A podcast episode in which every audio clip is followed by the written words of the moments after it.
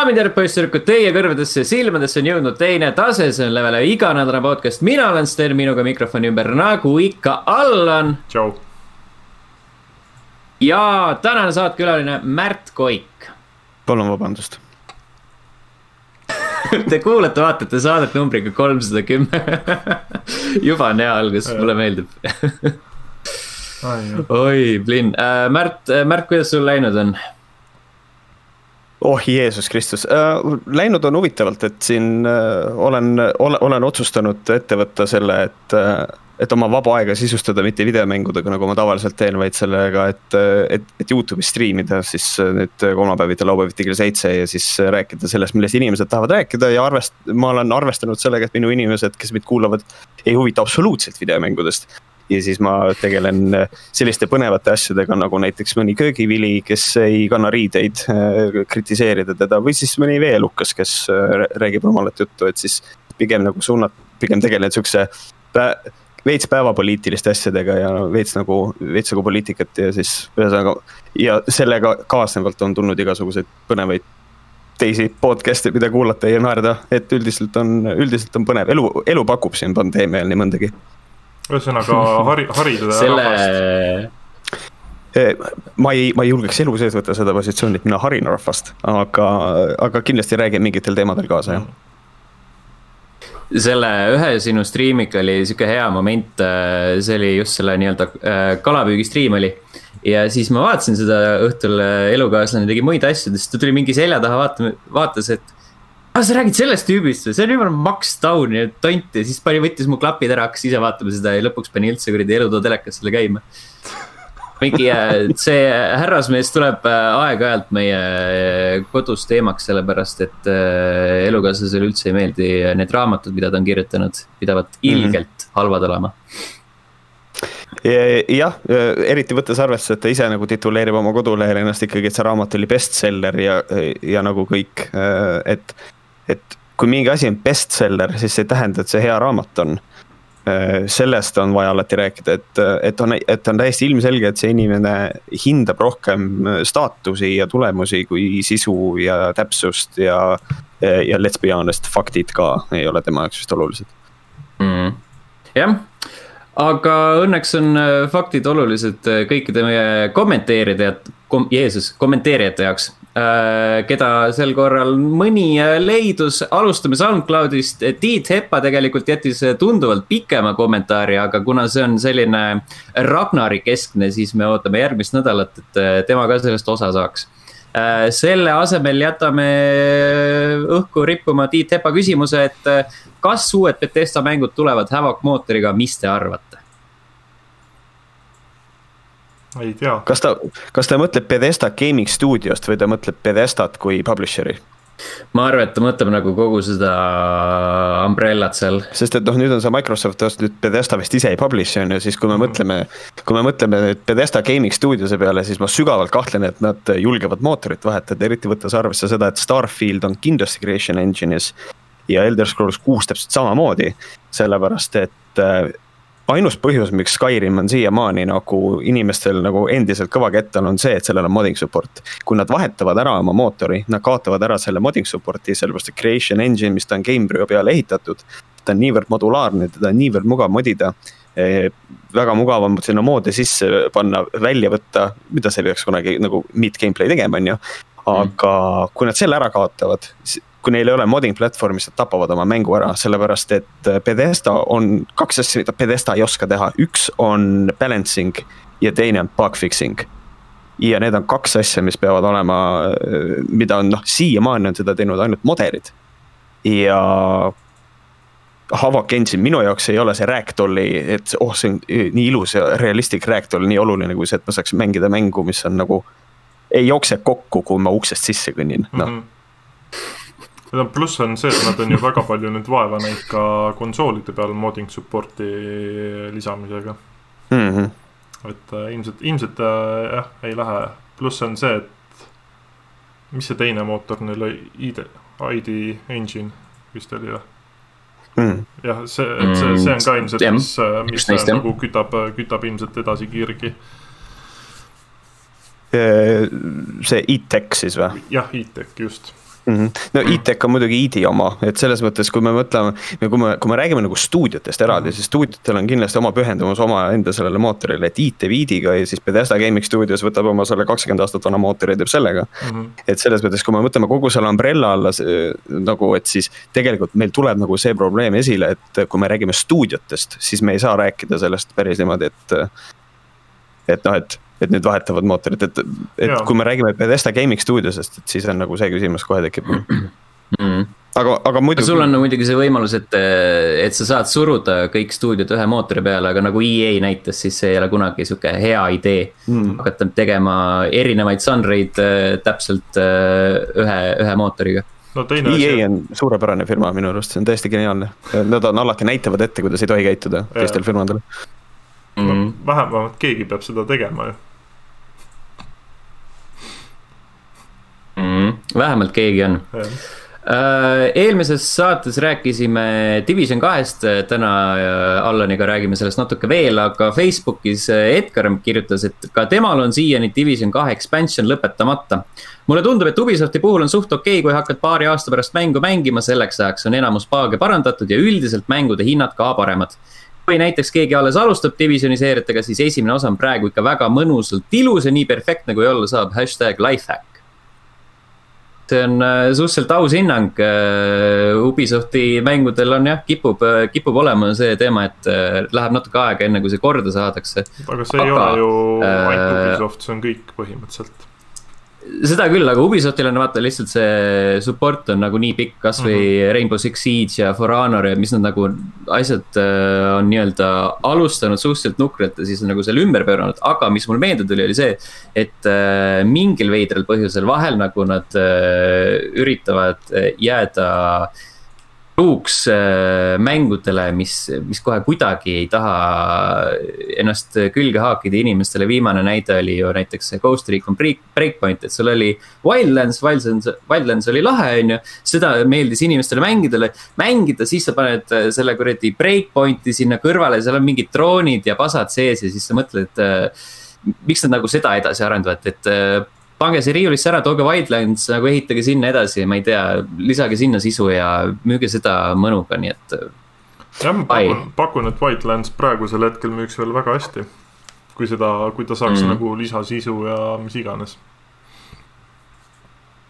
nagu me Divisionis on... näeme ma ise nagu mõtlen nagu selle peale, et minu arust on täiesti kaks viimase aja suurepärast näidet on see, et Anthem tapeti ära lõpuks mm. -hmm. ja siis, ja siis Artefact täpselt samamoodi.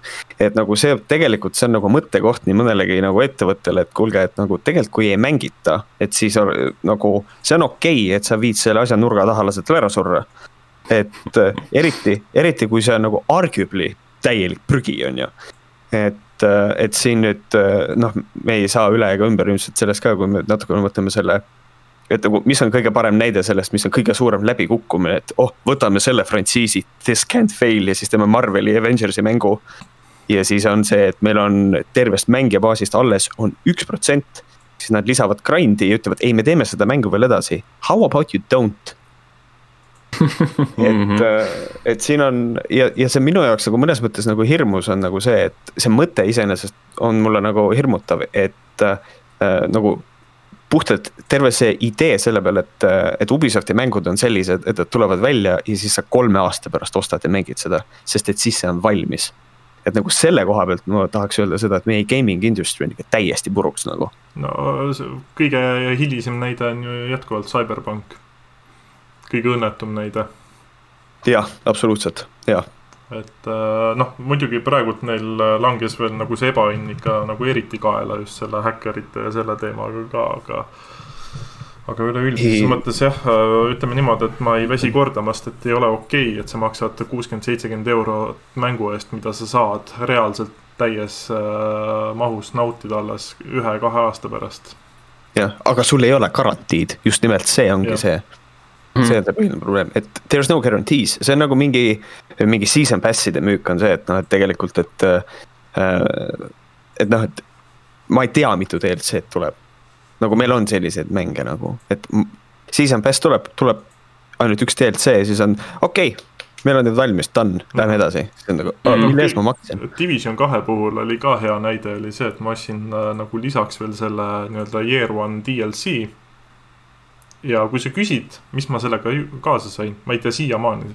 ma ei oska sulle öelda, mis ma sellega kaasa sain et noh. Äh, sa oskad, sa oskad nii palju öelda, et sa ei saanud kaasa seda Warlords of New York expansion'it. jah, mille ma pidin nüüd äh, siin soodusmüügi ajal kaheksa euro eest veel juurde ostma.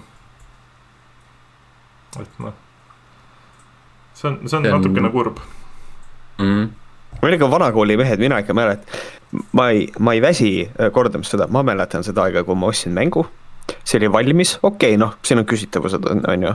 ja siis ma pidin minema GameSpoti ja sealt alla laadima patch'e endale. kui mänge fix iti nagu, eraldi oli vaja patch'e alla laadida, holy holy hell, milline aeg. aga sulle anti võimalus selles suhtes, et ei, sind ei sunnitud seda laadima, vaid see, see oli sihuke pigem vaba tahe, et kas sa tahad. just, just mm. -hmm noh, tänapäeval on see, et viskad ähm... plaadimasinasse ja naudid äh, kohe seda, et äh, sa ei saa mängida, vaid sa ootad enda saja gigast äh, day one patch'i mm. -hmm. selge äh,, rääkides vanakoolist, siis äh, liigume edasi Discordi, kus Hirundo, Hirundo kirjutas, et vaatasin järgi, mul on Diablo kahe salvestused täiesti olemas, failid aastast kaks tuhat üks aga jah, las see jääb sinna aega, ei plaani uuesti paigaldada tõsi küll, eelmine aasta tuli väike Diablo igatsus peale ja valisin enda backlog'is kahe tuhande kaheksateistkümnenda aasta Shadows Awakening. oli päris okei okay,, sai jälle katakombides kirste lõhkuda. vot. Cool story mm. -hmm. Märt, kas sa kavatsed äh, Diablo kahe uusversiooni mängida ähm,? ma kindlasti mitte on launch, never Äh, ma arvan, et, ma arvan, et CyberPunk on viimane mäng äh, minu elus, mida ma mängin on launch üldse. Äh, kui just ei ole nagu selget sõnumit, et ei, kuulge, see on tegelikult ka hea, et proovi. Ähm, aga ma ei ole kunagi suur Diablo fänn olnud tegelikult, et, et selles mõttes ma arvan, et mul, mul nagu sinnapoole ei tõmba et mul oli üks remake, mis ma mõtlesin, ma vaatasin cutscene'e, mida reklaamiti, mõtlesin, et oh, vot, vot see on see remake, mida ma tahan ja see oli, ja see oli Warcraft kolm Reforged. ja siis, ja siis oli nagu, ja siis, kui see välja tuli, siis ma olin, et nagu täpselt selline tunne, nagu oleks äh, kuuli eest ära hüpanud, sihukene tunne oli nagu, et äh, ja ma olen nagu hästi ettevaatlik ja ma ei anna mitte ühtegi hinnangut, enne kui ma ei ole näinud actual gameplay'd nagu äh, kuskilt usaldavast, usaldatavalt Twitch'i striimerilt või Youtube'ist mm. -hmm jah, selle Warcraft kolmega oli endalgi see, et äh, see on, mul on muidu kõik, absoluutselt kõik äh, Blizzardi mängud on jätkuvalt olemas, välja arvatud Warcraft kolme remaster algul ma mõtlesin, et noh, tüübid äh, jauravad lihtsalt, et mingi minusugune vend on sinna kuskile foorumisse jaurama läinud, et sitt mäng on, aga siis vaatasin gameplay'd ja sain mm. aru, et see on tõesti sitt. jaa yeah. mm ja kuna me oleme siis äh, nii-öelda sellel äh, vanade mängude lainel, siis liigume viimase asjana Õhtulehe anonüümsesse kommentaariumisse, kus mängur ütleb, et kes mängib aastal kaks tuhat kakskümmend üks Heroes kolme, mina. väga õige, see on jätkuvalt väga hea mäng. Mm. Mm, ma arvan, et äh, ma olen inimene, kellele ei meeldi see mäng, aga isegi mina tean seda, et noh, okei okay,, siin on maitse erinevus ka, aga Heroes kolm on kõige parem Heroes, apparently on ju. Yeah et siis miks seda mitte mängida, muidugi. head mängud on mängimiseks mõeldud. jah, ainukene miinus on see, et äh, Ubisoft vist äh, lasi kunagi HD remaster'i välja, mis tuli mm -hmm. ilma lisapakkideta mm. -hmm. ja sinna sa ei nagu saa. Mm, see nagu Jim Sterling ütles, oh Ubisoft. Äh, aga ainuke positiivne asi on see, et kui sul on äh, näiteks äh, kunagi ostetud see complete pakk, siis sa saad kaardid üle tõsta. et sa saad seda Skirmishi osa saad nagu mängida uh,. okei okay. aga lihtsalt siis teatud sellega, et sul ei ole paari lossi seal ja mingeid asju veel tahtsin lihtsalt mainida, et mina ei tea Heroes kolmest mitte kui midagi, tervest seeriast äh, tegelikult mitte kui midagi, ainuke asi, millega ma olen kokku puutunud, on äh, mingi sihuke puslekas spin-off Might and Magic Class of Heroes, mis mulle väga meeldis. Ei, ei ole kuulnud niisugusest asjast. samas neid mänge, See oli mille kunagi mingi- pealkirjas on Might and Magic on mingi sada ka. aga see Ja Might, Might and Magic on üldse teine, teine nagu teema ka, see ei ole Heroes of Might and Magic uga üldse seotud. või noh, universum on sama. jaa, aga see kuulub ja, ja. no seda mõtlengi, see on spin-off, seda Mhm. mõtlesingi. et äh, aga jaa, see on mingi sihuke puslekas, sul on mingi äh, kaks nii-öelda väge, üks on üleval ekraani peal, teine on all ekraani peal, siis nad nagu mingi äh,. Sa pead minu meelest mingi värve seal ühendama ja midagi sihukest Mm. mingi, mingi sihuke, sihuke nii-öelda noh, klassikaline combine the colors mäng. mäletate, mäletamist mööda. aga jah, nii palju lihtsalt tean, et äh, hästi palju Heroes kolme armastatakse ja sellega teadmised piirduvad. Anyway, need olid kommentaarid sel nädalal, jätke neid igale poole eelnimetatud äh, kanalitesse nagu SoundCloud, Discord, äh, Youtube, Õhtuleht, Facebook ja podcast at level üks punkt ee, sinna võite ka kirjutada. meie liigume sujuvalt mängude juurde edasi ning äh, kuna kõikidel on äh, vähemalt üks äh, sama mäng, mida vähem natukene proovitud on, mm. -hmm. siis räägime sellest esimesena ja selleks on Loop Hero kes teeb otse lahti, kes oskab kõige rohkem selle kohta midagi öelda? tahtsin küsida, et kas Märt on mänginud äh, täisversiooni või demo Äh, täisversioon mängin hmm. siis sa oled Siis- äh, ekspert meie seast. What a game, see on, see on üks nendest mängudest, meil kõigil on see hetk, kus kohas mingi uus mäng tuleb välja, hästi popp on, siis me läheme Twitch'i ja siis vaat-, noh, ma vaatan, mis toimub. sa paned striimi käima, sa ei saa mitte midagi aru, mis toimub. Mis asi see on, miks see populaarne on, aga kõik mängivad Mhm. ja, ja ma ei saa aru, mis toimub ja siis mu sõber näitas mulle mm,. ta striimis mulle Discordis, ma näitan sulle ühe leveli, ma näitan sulle selle mängu põhimõtte ära ja siis ma vaatasin seda. ja ma mõtlesin, okei okay,, selle soundtrack on hea, kuigi see on chiptune ja see on täiesti vapustav soundtrack. Jeesus Mhm. Kristus, okei okay,, ma ostan ja ma võtan kaks tundi, kui see mulle ei meeldi, siis ma refund in ta. ja, ja ma mängisin seda mängu ja pärast kahtekümmet minutit tutorial'i osa ei olnud veel läbi ja siis mul oli nagu see, et see on üks parimaid videomänge, mida ma kunagi mänginud olen. sest et sellel, see on täpselt selline tunne, et see mäng on nagu, ta paneb sulle kaks kalakonksu niimoodi suhu ja siis lihtsalt tõmbab sind enda külge, sest et ta on, kõik osad sellest mängust on väga hästi läbi mõeldud, ta on väga hästi tehtud. mul ei ole mehaaniliselt sellele mängule mitte midagi ette heita peale selle, et see luup, luubi peal jooksmise osa on natukene liiga aeglane Mhm. mida juba ma saan aru, dev'id ütlevad, et nad teevad seda kiiremaks, sest et kõik tahavad seda. ehk siis see mäng on minu arust hästi suurepärane, et seal on resource, resource management, seal on, tal on eh, selline idle game osa, eks ole. ta on põhimõtteliselt tech builder, noh, võime niimoodi öelda, jah, et, et eh, settlement building, et ta on, ta on äge, ta on väga äge mäng. Kuigi ma sellest kaardimängu osast nagu täpselt aru ei saanud, et ma, nii palju ma arvan, et ma sain aru, et äh, sa nende kaartide abil siis ehitad endale nagu kogu seda maailma seal.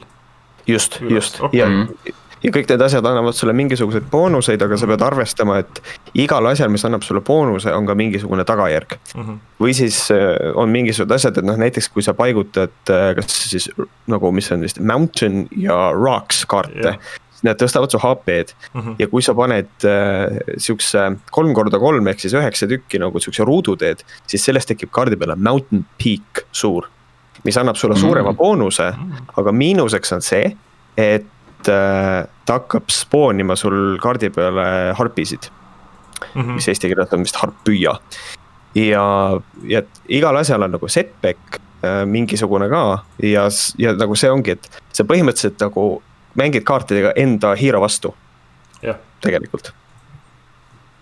ütleme niimoodi, et äh, päris hea, ma seda mehaanikat ei teadnudki. ja ei, mu- mul selles suhtes, mina ütlen ausalt, et ma neid kaarte põhimõtteliselt, ma lähenesin kunstiliselt sellele, mõtlesin, et okei okay,, et ma saan mingeid äh, kivisid ja asju sinna panna, et ma teen endale siis nagu enda maailma, teen, panen sinna mingid äh, mountain'id, panen niimoodi järjestikku, siis panen selle muruplatsi sinna, kivid. et noh, teeme siukse ilusa kaardi siis. aga ütleme niimoodi, et äh, üleüldises mõttes mulle see räigelt meeldis, et kui ma demoga alustasin, siis ma mõtlesin, et noh, see on ilmselt sihuke, võib-olla mingi viisteist mintsa mängin. kaks tundi hiljem mm mängisin mm -hmm. jätkuvalt seda mm. -hmm. et see, mulle jõhkralt meeldis see, et äh, ma küll päris täpselt kõigest aru veel ei saanud, aga mulle jah meeldis see, et sa saad seal nii-öelda enda baasi arendada, sa saad äh, kollidelt pidevalt uut gear'i, sa ei pea nagu grind ima seda, vaid see tuleb sulle juhuslikult ja see kõik on nagu väga fun mm. -hmm no see grind'i osa on see, et kui sa tahad oma settlement building ut teha, siis tegelikult sa pead väga palju ekspeditsioone tegema, et seda ressurssi saada, see on mm -hmm. nagu see osa on. mis on mul etteheide sellele mängule, ongi see, et seal on mingisugused asjad, ma saan mõnes mõttes aru, et see ongi, et noh, sa pead ise avastama need asjad, aga on mingid asjad, mida see mäng ei ütle sulle. ta ei ütle sulle, et sa saad mountain itest teha mountain peak'i mm. -hmm ta ei, ta ei ütle sulle seda, et kui sa paned kaks Battlefield'i kõrvuti tee peale, siis sellest teest saab, äh, mis, mis ta on, Bloody Path. mis spoonib äh, spetsiaalseid vastaseid, ta ei ütle sulle seda. ja mis mind häirib, on see, et äh, kui sa avastad mingisuguse kaardi kohta midagi uut, siis kui sa selle nagu unlock'id, ta võiks sul tooltip'i tulla juurde, see info.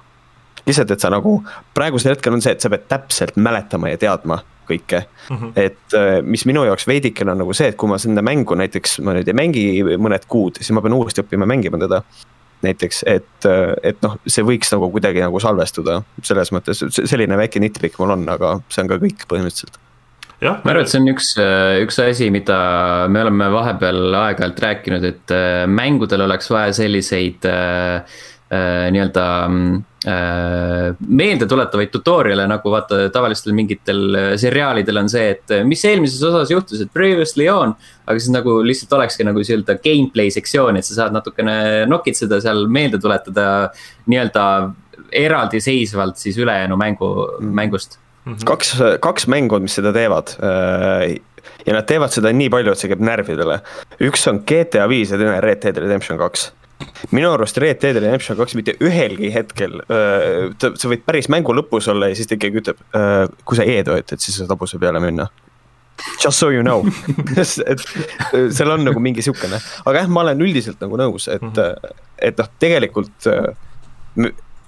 ma saan aru, me oleme jõudnud nii kaugele, et meil on nii palju mänge, mida mängida ja tegelikult see oleks hea, et, et meil on lihtsalt olemas vähemalt, et oleks in-game manual you actually need it mm., pluss teine asi. ma leian seda, kui mängule teeb keegi tutorial'i, see inimene ei tohi olla. see on, ma saan aru, see on pöörane nõue, aga see inimene ei tohiks töötada selles stuudios. sest et see inimene teab, kuidas seda mängu mängida ja ta kirjutab tutorial'i ja ta ei mõtle mingisuguste elementaarsete asjade peale, mis, millel on keegi nagu, et. Äh, no see, see peaks me... jah olema nagu see, et iga loll saab aru sellest tutorial'ist. just, just mm.. Okay. minu arust äh, head tutorial'id, äh, mis mängudes on, üks on alati äh, Gears of War, esimene Gears of War. kus sul on, ongi võimalus, et äh, sul kohe alguses tee läheb kaheks, et, et kas tahad nagu teeme pikema tuuri ja õp õpetame sulle, kuidas tulistada ja granaati visata või siis lähme kohe nagu sinna action'isse. siis äh, Sekiro, Shadows Die Twice ja Hades mõlemad lubavad sul nagu testida Äh, seda võitlusmehaanikat. Mm. Sekiril on nagu mingi spetsiifiline osa, aga Heidesel on alati siis tegelikult see lihtsalt äh, iga uue run'i all yeah,. kui sa tuled nagu tagasi, siis sa lähed seal, äh, surad seda luugeret ja, ja saad nagu kiirelt asja käppa mm. -hmm seda küll, jah. kõige kohutavam, kõige kohutavam tutorial jätkuvalt äh, Metro Last Light, sellepärast et sa oled seesama vend, kes on nagu terve mängu jooksul võidelnud mingite rõvedate mutantidega ja siis mingi uue osa alguses. kuule, tule, tule vaata, kas sa saad äh, siin lasketiirus hakkama. What the fuck? nojah, no vot, see on see, see on see ludo narratiivne dissonants, mis tuleb sellepärast, et äkki meil on uus mängija, ta tõesti ei ole mitte kunagi FPS-i mänginud, et see on nagu see on see on probleem, aga noh, I would rather have a tutorial than none mm. -hmm. aga noh, kui me mm. räägime, et nagu millisel mängul on nagu actually kõige hullem tutorial, siis see on Minecraft. sest et Minecraftil ei ole tutorial'it põhimõtteliselt. aga kõik oskavad seda juba mängida, nii et mm.. jah, pärast kahtesadat tundi. jah aga ei, näiteks ja mina, mina nagu väga tihti igatsen seda, et äh, mängul võikski reaalselt tulla PDF-i kujul kaasa manual mm. -hmm. mis nagu vanasti oli täiesti okei okay asi. ma arvan, et tänapäeval ei tunneks ma ka ennast rumalana, kui ma võtan kõrvale lahti PDF faili, vaatan, kuidas mängu mängida mm me oleme nii vanad, oh my god me oleme nii vanad võiks olla fail, kus ma saan lugeda seda. no vanasti oli üldse ra sul yeah. karbises raamat, sihuke korralik viiskümmend, kuuskümmend lehekülge. Mm.. Holy shit, nagu ma mängisin Tekken kolme, ma teadsin kõikide tegelaste back story sid enne, kui ma mängu käima panin nagu. Mm.. no vot. et jah, cool. Mm, -hmm. Kad kadunud meedium täiesti. Yeah.. Mm -hmm see on päris hea, et sul on mingid vanad mängud, mis äh, kõik, isegi nagu vaenlaste taustalood seletatakse ära ja mis nad teevad ja mm. -hmm. siis, äh, siis sa lähed mängu ja lihtsalt äh, notid neid järjest maha, kurb. just. Allan, kas sa ostsid juba Loop Hero ära või kavatsed seda teha äh,? kavatsen, sest äh, ütle, ütleme niimoodi okay., et see on üks, üks mäng, mida kindlasti tahan mängida. edasi. To quote a great mm -hmm. man Just do it mm. -hmm. siis peame peale salvestust tegema lihtsalt ära selle. Rip the band-aid off, noh. absoluutselt äh, üks asi, mis nagu selle puhul veel mainida, on see, et äh, väljaandja on Devolver Digital, kes nagu jätkuvalt äh, suudab mingeid siukseid leida stuudioid, kes teevad selliseid teistmoodi mänge. erinevalt sellest, talente ja mis erinevad sellest hallist massist see on ja, uus. selles suhtes on nagu hästi huvitav Devolveri puhul, et neil on. no ma julgeks öelda, et põhimõtteliselt äh, kõik mängud on äh, väga unikaalsed. ma nagu hetkel ei tule ükski sihuke mäng meelde, mis oleks sihuke sihukesesse samasse auku läheks teiste nende indie-mängudega mm.. Mm. vot äh,, Märt, mis sa veel mänginud oled? Enne seda, kui ma avastasin Loop Hero, siis äh, Loop Hero on selles mõttes, ta on, ta on täpselt see mäng, et sa mängid seda mingi asja kõrvale äh,. vaatan mingit striimi, kuulan mingit debatti, siis ma nagu mängin Loop Hero't tavaliselt. siis mida, mida ma olen siiamaani mänginud, on actually no joke äh,, mina kui vana Yugi-Oh mängija, siis ma mängin sihukest mängu nagu Yugi-Oh Legacy of the Duelist, Link Evolution.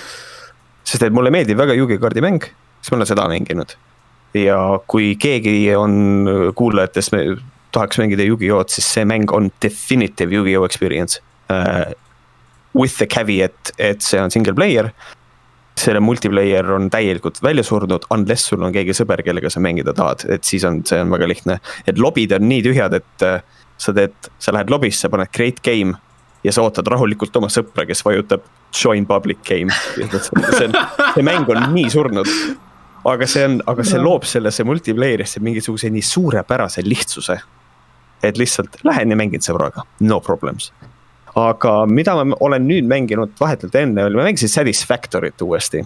Äh, mis on siis Coffee Stain stuudiose mäng, äh, kes tegid Code Simulatory, siis nad mõtlesid, et teeme midagi paremat ka vahepeal ja siis nad tegid siukse mängu nagu, nagu Satisfactory. kes on Factoriat mänginud, siis ta on ka põhimõtteliselt factory management, eks ole, aga ta on nagu siis äh, first person perspective.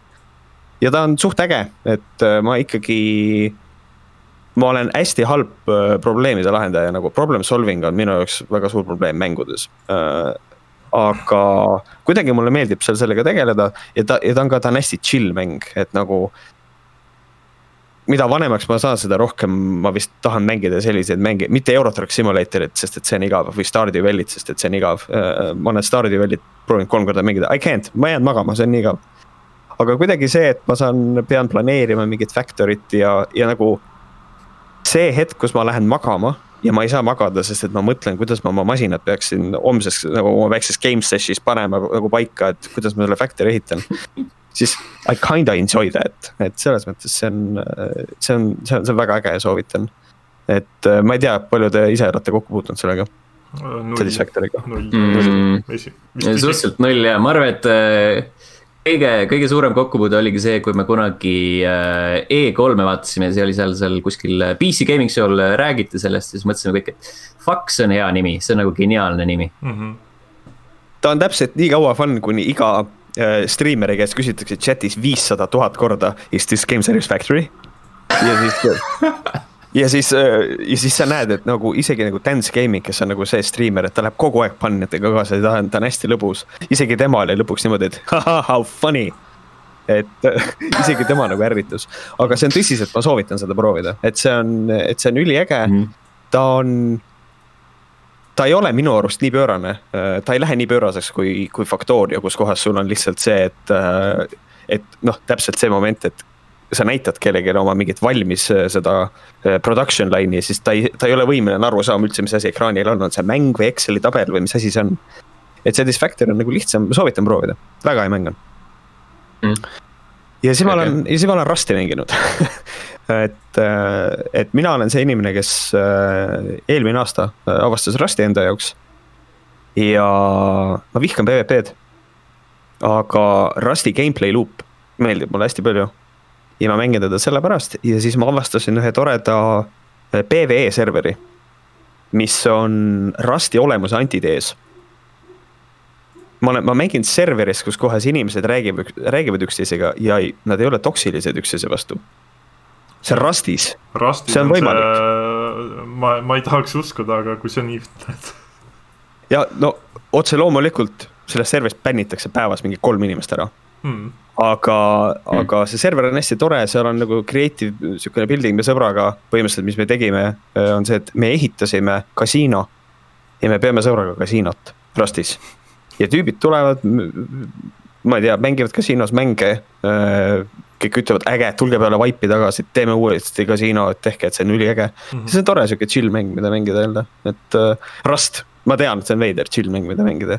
aga just nimelt, et uh, Rusti on võimalik mängida, kui keegi ütleb, et ei, Rust on PVP experience, siis fuck you, ei pea olema, et uh, Rustil on väga tore PV community'ga olemas ja see on väga lahe mm.. Rusti puhul. on nagu viimasel ajal jälle ju fookusesse ka tõusnud. ja, oma torpidega jah. Rust oli jah, see mäng, mida ma vist ka eelmisel aastal esimest korda mängisin ja pigem see nagu eemale peletav jõud oligi seal see, et äh, fuck, kui toksiline see seltskond on, kes seda mängib. see on nagu tõsiselt mm. rõve on see juba. et see nagu, mis sõnapäraselt ka nagu tüübid sulle mikrisse karjuvad, et see see on jah, gamer word on, on esimene sõna, mis sa kuuled kohe. on, on mingi mm. gamer word ja nagu, ja nagu eriti karm on nagu see ka, et tegelikult sellel mängul, me enne rääkisime, sellel mängul ei ole tutorial'it ja kui sa oled uus mängija mm, -hmm. siis sa ei tea absoluutselt mitte midagi, sa vaatad teine mängija, mis see nüüd tähendab, mis sa oled surnud järsku mm. -hmm. sellepärast, et ja, ja, ja mis teeb veel selle keeruliseks, on see ka, et see mäng annab inimesele nagu valgele mehele võimaluse, sest et meil on väga palju mehi, kes mängivad, on ju. Mhm. see annab valgele inimesele võimaluse tajuda, mis asi on rassism. sellepärast, et sinu Steam'i ID pealt luuakse sulle random player model, mida sa ei saa vahetada. ja, ja põhimõtteliselt, kui sa lähed public server'isse oma uue mängiga mm -hmm. ja sinu serveri ID on sulle määranud, et sa oled mustanahaline mm. -hmm siis sind reaalselt osad inimesed kohtlevad nagu second class citizen'i nagu. sellepärast, et you are black ja see on täiesti pöörane Rustis on see probleem. ja et..., ja sellega tuleb meelde see, et kui ma sõpradega mängisin seda, noh, mul oli ka, okei okay,, päris mustanahal ei olnud, aga sihuke mulatt, ütleme siis nii mm. -hmm ja siis oli täpselt samamoodi, mingi suvaline jorss tuleb äh, juurde, paneb selle push talk'i peale, ütleb selle N-word'i ja siis nagu ropendab selle edasi lihtsalt, ma olen sihuke yeah., äh, what see ja sellepärast ja see ongi Rusti kõige suurem probleem, et tegelikult kõige paremad serverid, kus mängida, on igasugused community serverid. sellepärast, et seal on admin töö on palju parem mm. -hmm. Unless sa satud serverisse, mis, mille admin on rassist, siis on nagu eriti halb, aga, aga üldiselt need head, nagu kõige paremad community'd on ikkagi igal pool top'is, et. et Rusti võib täitsa nagu nautida küll jah see on ju positiivne ütleme niimoodi, et see mängu idee ja kõik muu on super luks, lihtsalt äh, kes seda solgivad, on mängijad ise. jah, nagu, nagu väga paljude mängudega ja siis enne seda, mis ma mängisin, oli Horizon Zero Dawn. nüüd PC peal lõpuks, sest et oh. mul ühtegi, mul ühtegi konsooli ei ole. sest et mul on, tekib küsimus, milleks. ja mängisin Horizon Zero Dawni, mulle väga meeldib, mulle väga meeldib see mäng, mulle väga meeldib see maailm. Ja siis ma lihtsalt äh, ei ole seda rohkem käima pannud, mis on minu arust mängude puhul kõige suurem probleem, et mm. -hmm. et ta ühel hetkel on see, et äh, ma mängin Yugi-Oh-d parem kui nagu Horizon Zero Dawni, sest et äh, lihtsalt ma tean, et ma lähen tagasi ja. ja ma pean majade otsas ronima jälle ja mul on mingisugused pet peeve'id selle mänguga, et äh, sellel mängul on täiesti selge, arusaadav, seal on kohad, mida mööda mu karakter saab ronida mm. -hmm aga kui on täiesti selgelt selline moment, et nagu siin peaks olema võimalik üles ronida, siis uh, no, actually sa ei saa siin, et, et sorry, et mind nagu siuksed asjad nagu häirivad. ja, ja kuidagi ma tahaks öelda seda, et see open world alguses tundus nagu hästi põnev ja lahtine ja teistmoodi ja siis mõnes mm. mõttes ma pean ütlema, et ikkagi mitte aga ma olen nõus tõstma kaks kätt üles, ütlema, et see on täiesti minu isikliku maitse küsimus, et ma võib-olla lihtsalt, mul olid valed eeldused ka no,. Äh, natuke loksub ja sinna, sinna klišeede mm., klišeede. no ta on sihuke, kuidas ma ütlen, kui sa ostad mingi Metallica best of'i, siis äh, sa tead, mis sa saad, sa saad kõik yeah. äh, kuulsamad lood, et noh, põhimõtteliselt on äh, see fuck, mis ta, Zero Dawn Horizon äh, täpselt sama, et äh, sa saad lihtsalt mm -hmm. äh, best of'i kõikidest äh, avatud maailmaga rollimängudest. jah, et noh, selles mõttes, mida ma tahan öelda, et ma tunnen seda, et nad on teinud selle best of'i on ju mm, -hmm. ja aga nad on suutnud seda kõike hästi teha, et. kui ma nagu peaksin välja tooma mingisuguse asja, mis mulle nagu tõesti minu arust selles mängus on halb mm. -hmm. siis see on võib-olla äh, menüüdes navigeerimine on minu arust erakordselt halb, eriti PC peal on ju. ma saan aru, see on otse konsooliport, et need inimesed, kes teevad konsooli UI-sid ja need inimesed, kes teevad PC UI-sid mm. -hmm. Need ei ole, nad ei ela samas aegruumis, et nagu Pedesta on seda korduvalt näidanud, et noh, see on, see kõik on lihtsalt, need inimesed ei ole omavahel kunagi suhelnud ega kohtunud. et seal nagu, et see, aga üldiselt ta teeb seda kõike nagu hästi, aga ikkagi. laias laastus on see, et hästi hea kaerahelbepuder on päeva lõpuks kaerahelbepuder mm, -hmm. et seal on nagu veits nagu selline ja siis otse loomulikult olen ma Valheimiga mänginud, sest et kõik mängivad Valheimi. ja ma mm., ja ma arvan, et ma nüüd olen jõudnud sinna positsiooni, kus kohas ma teda ei ole nüüd mänginud väga pikka aega, sest et. ma tunnen, et seal on nüüd see sein ees, et ma tahaks selles mängus oleks rohkem variatsiooni mm. -hmm. sest et ähm, mulle väga meeldib see mäng, see kõik, aga ma olen see inimene, kes on mänginud Minecrafti põhimõtteliselt täitsa alfast alates, ma olen mänginud Minecrafti, mis on siis praeguseks kümme aastat põhimõtteliselt. ja kui ma mängin nüüd Minecrafti, siis ma mängin alati äh, mingisugust modpack'i, kus on hästi palju moode, hästi palju variante, mida teha, hästi palju mingisuguseid elektriliine ehitada, see kõik on hästi cool minu jaoks. ja on sihukene termin, millega ma põhjendan seda, miks mul on Valheimiga probleem. ma mängin Minecraftis alati neid äh, modpack'e, mida nimetatakse kitchen sink ideks Kitchen sink tähendab seda, et see on modpack, kus kohas sa hüppad maailma sisse ja tee, mis tahad, alusta, kus kohas sa tahad ja mine mis iganes teed pidi, mis sa tahad. aga Valheim on algusest peale gate itud ära. sa pead tegema kõigepealt selle, siis selle, siis selle ja see on see osa, mis mind natukene häirib. selle asja juures, et mul ei ole sihukest ultimatiivset vabadust seal, aga see Valheim ei töötaks, kui ta ei oleks gate itud, sest et oleks täiesti pöörane, et nii lõpubossile kohe peale ja teeme ära, eks ole. et selles mõttes ma saan aru, see mängu suhtes on loogiline, mulle endale see väga ei meeldi. aga see mäng sellegipoolest, ma mängisin seda vist kaks nädalat nagu peaaegu iga päev, et ikkagi, et, et ta on väga hea mäng ja Jeesus Kristus, ma loodan, et nüüd, kus nad on inimesi juurde palganud, et keegi teeks selle mängu ui kuidagi presentaabliks Holy god see on nagu nope mm. -hmm. mitmekesi nad alustasid vist mingi kaks meest või äh,? ei, viis tükki oli neid vist. viis no., ikkagi mm. väga-väga väike äh, stuudio mm. -hmm. ma vist nüüdseks olen ära maininud kõik mängud, mida ma lehel mänginud see on sihuke hea nimekiri. ja siis saate lõpus uh..., by the way, siin on veel kümme mängu. ja, ja, ei no poleks ma, kusjuures ma, ma osalesin selles aastalõpu saates, mis mm -hmm. nüüd Level üks tegi ja siis, ja siis ma, ma sealt sain ajendi, you know what, sest et mulle ei meeldi ennast parandada. mu käest küsiti, mis mu game of the year on, on ju, siis ma ütlesin, et noh, Doom Eternal oli väga hea ja siis ma lõpetan saate ära, mõtlesin, oot, aga PC peale tuli ju välja Red Dead Redemption kaks. Jeesus Kristus ja Red Dead Redemption kaks on tänu oma story'le ja world building ule minu arust ähm, kõige parem videomäng, mida ma kunagi mänginud olen. Mul on väga palju etteheiteid ka sellele mängule, aga nagu story wise mm. -hmm.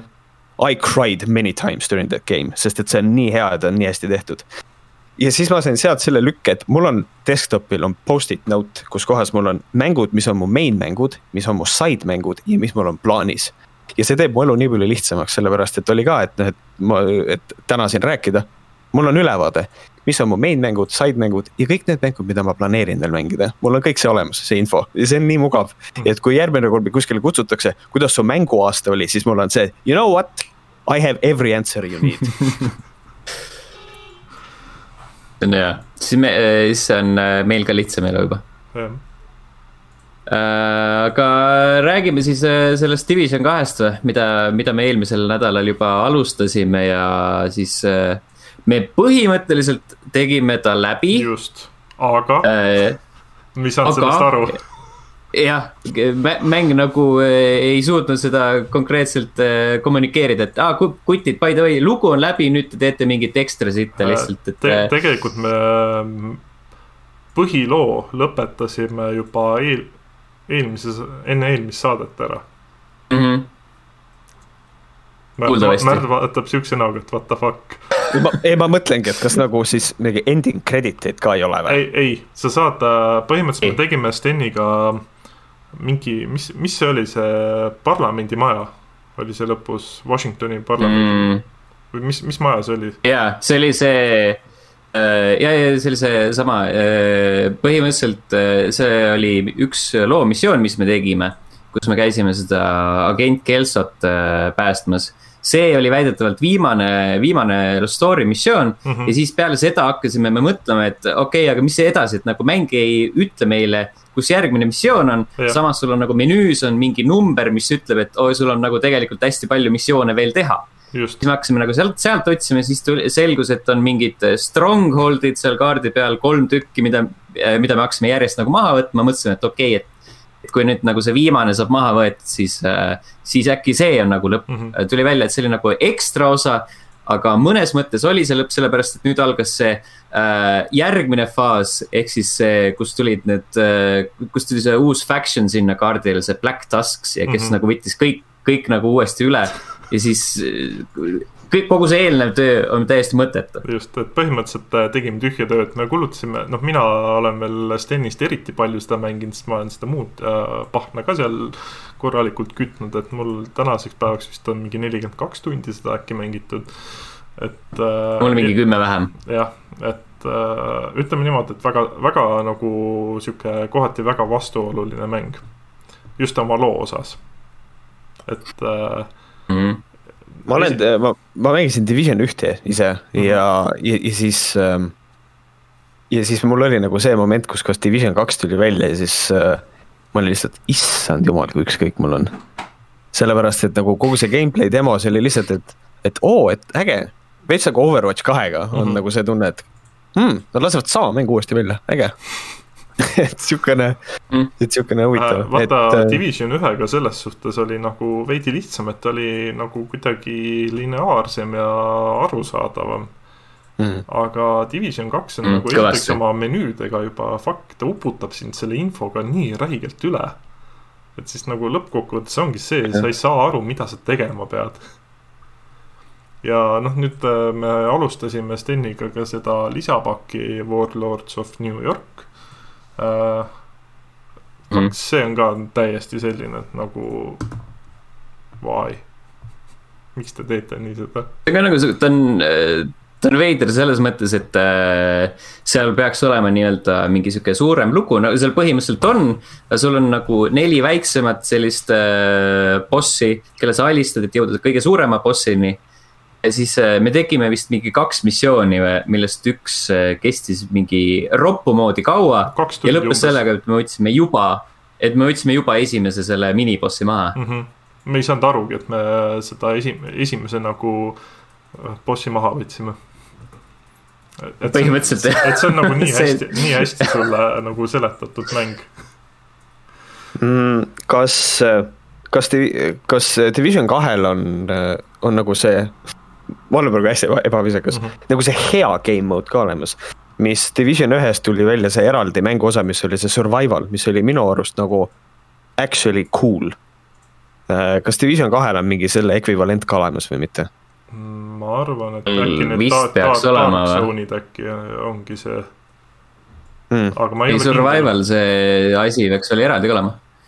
Minu meelest mingil hetkel tuli, seda meil vist ei ole, see peaks olema mingi on season pass'i teema, midagi ei, siukest sinul on- tähendab, siis on. Äh, ma ei tea, see, ma ütlen, et see on nagu info poolest on ta nii üle küllatud, et ma, ma ei saa aru vahepeal, et mis asi on loomissioon, mis asi on kõrvalmissioon, mis on nagu niisama tegevus seal, et see on Nad nagu. tahavad, järelikult nad tahavad tekitada seda momenti, et everything matters. et kõik on oluline, mis võib-olla, nagu probleem on selles, Mhm.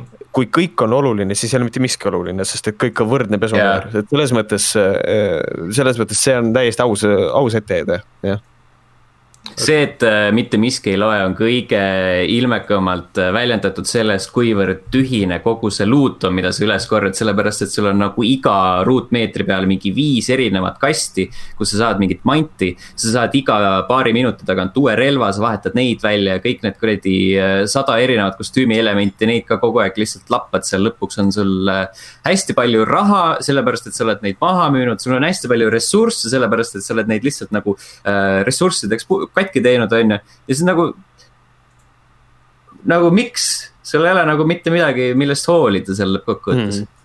kõik, kogu see, kogu see nii-öelda äh, konks seisnebki selles, et sa pidevalt äh, jooksed ringi, oh, ma sain midagi uut, oh, ma sain midagi uut, oh, siin on ka midagi, heakene küll ja siis nagu tulistad äh, tüüpi ja nagu see tulistamine on, noh, see on fun nii-öelda Mm. nojah, kõige hullem ongi see nagu, millega nagu minu arust eksivad väga paljud looter shooter'id on see, et nagu sul on, sul on relv, mis teeb nelikümmend punkti tämmi ja siis sa korjad üles relva, mis teeb nelikümmend üks ja siis sa kahe minuti pärast, mis teeb nelikümmend kaks siis sa äh, korjad üles relva, mis teeb kolmkümmend üheksa, aga DPS on, on, on, on seevastu suurem ja, ja siis, ehk siis kõik on sihuke hästi minimaalne intricate increase on kogu aeg, mis on nagu hästi nõme, sellepärast et ühel hetkel nagu noh. mis tahes rollimängus on nagu see, et, et sa teed kirstu lahti, vaatad sisse, võtad, issand jumal. okei okay., ja siis äh, sa saad relva, mis on nagu oluliselt parem ja siis sellel relval on väärtus, sest et sa hoiad teda kinni, kuni sa leiad järgmise parema. Mm -hmm.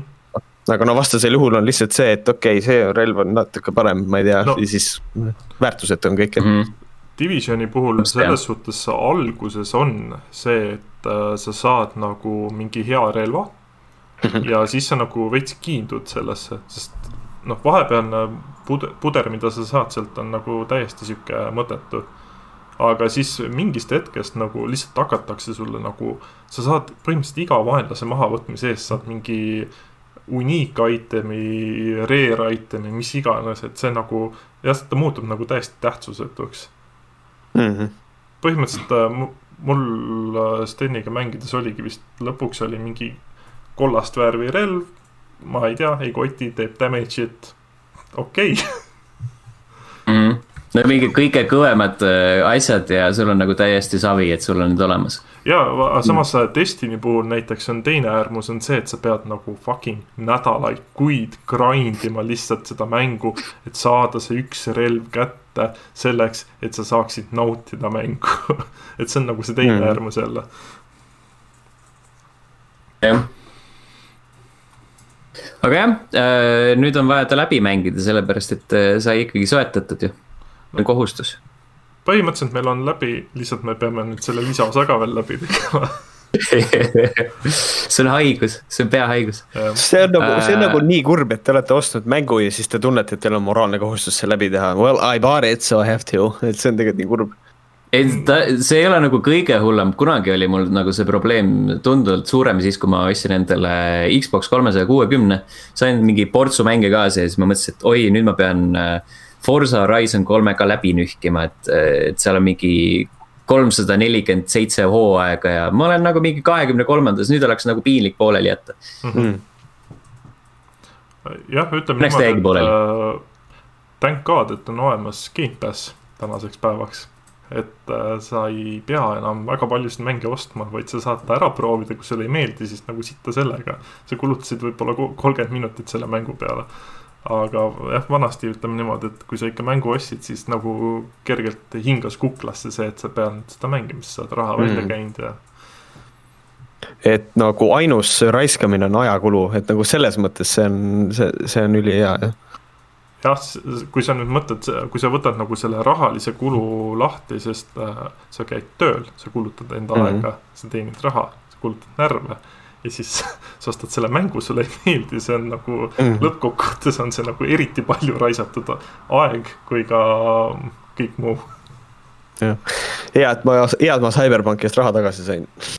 aa ah, jaa, selle eest ju anti, kahju, et äh, füüsilise koopia eest Eestis tagasi ei antud. mm. mm. mulle natukene siiski meeldis lõppkokkuvõttes. ei, mänguna ta iseenesest oli täitsa hea, lihtsalt see, mis algul lubati, ta ei olnud seda.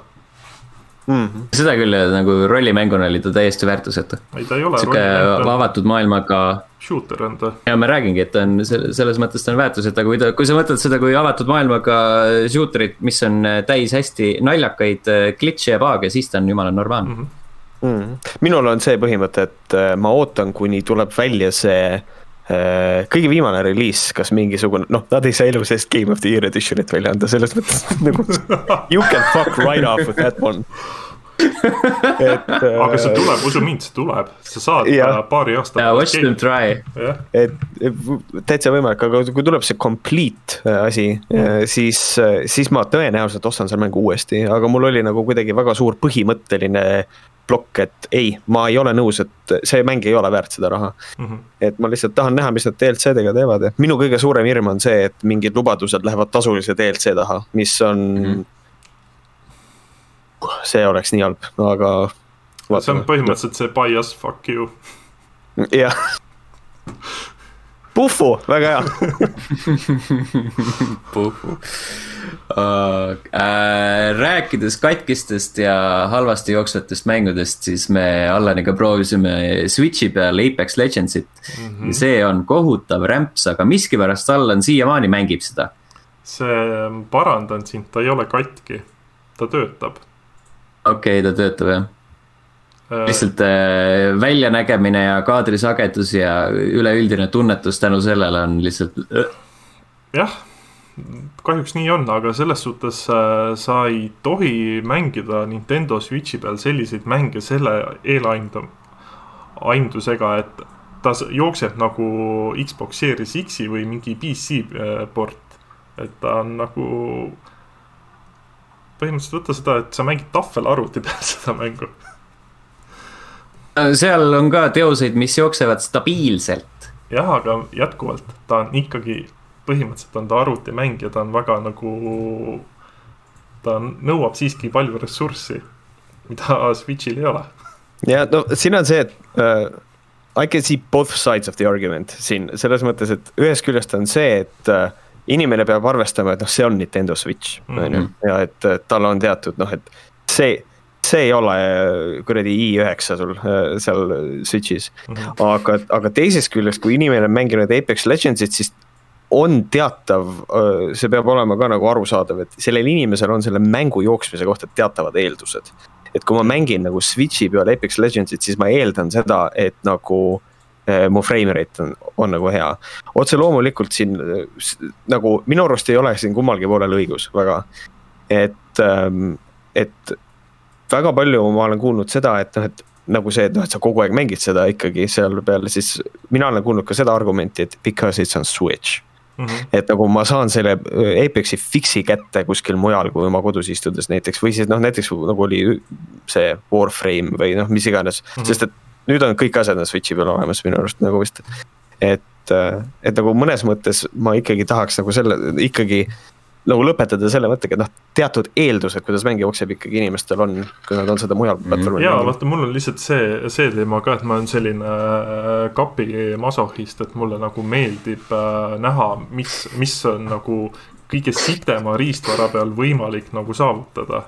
et ma, noh, ma tahan lihtsalt seda kogeda.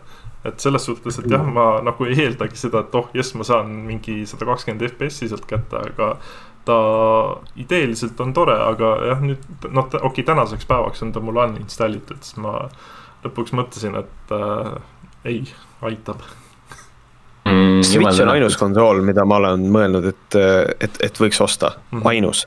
et äh, mitte, ma olen elupõline Playstationi inimene olnud täpselt nii kaua, kuni nagu viimane kirstunael oli Gamepass äh,. sest et siis on nagu see, you know what Sony, I m sorry mm. -hmm this relationship is not gonna work ei, täpselt seesama asi oli mul äh, kunagi sõbralt ostsin Xbox'i ära, noh. ma olin alati see, et kes ütles, et nagu Xbox'i mehed nagu minge puu taha ja pange ennast põlema enda konsooliga. kui see, kui see okay. baseerub esimesel äh, Xbox'il, siis ma olen nõus, sest esimese Xbox'i pult oli täpselt selline tunne, nagu sa mängiksid teise inimese peaga põhimõtteliselt küll. lihtsalt nagu see oli nii loll mm. pult mm.. aga äh, aga üleüldiselt. Nad tegid selle korda õnneks, nad lasid uue versiooni välja kiirelt. aga siis, kui ma nagu. see pult oli juba palju parem. saingi selle nagu Gamepassi, siis mõtlesin, et vaatasin enda Playstation nelja, mõtlesin, kuule, et aga hea, minege heaga nagu sinna see, see, selles suhtes, et äh, re reaalselt mulle hakkas Xbox sellepärast meeldima, et kuna ma nagunii äh, üheksakümmend protsenti juhtudest mängin multiplatvorm mänge ja kui ma saan neid kuutasu eest mängida, siis nagu why the fuck ma pean maksma seitsekümmend eurot mängu eest, kui ma saan selle põhimõtteliselt tänaseks päevaks mm -hmm. day one, saan juba Gamepassis kolmeteist euroga kuus mm.. Gamepassiga on, ma, ma absoluutselt jälestan Microsofti, sellepärast et mul on Xbox äpp arvutis, mis mm. läheb mul autorun'iga käima, ma kogu aeg unustan selle välja lülitada. ja nii kui ma arvuti käima panen, esimene asi, mida ma oma monitoril näen, on Gamepass is not available in your region ehk, aa, VPN tuleb jah sisse panna, jah. ja siis on konkreetselt nagu, see ajab mind nii närvi, lihtsalt mm -hmm. nagu why are you doing this to me?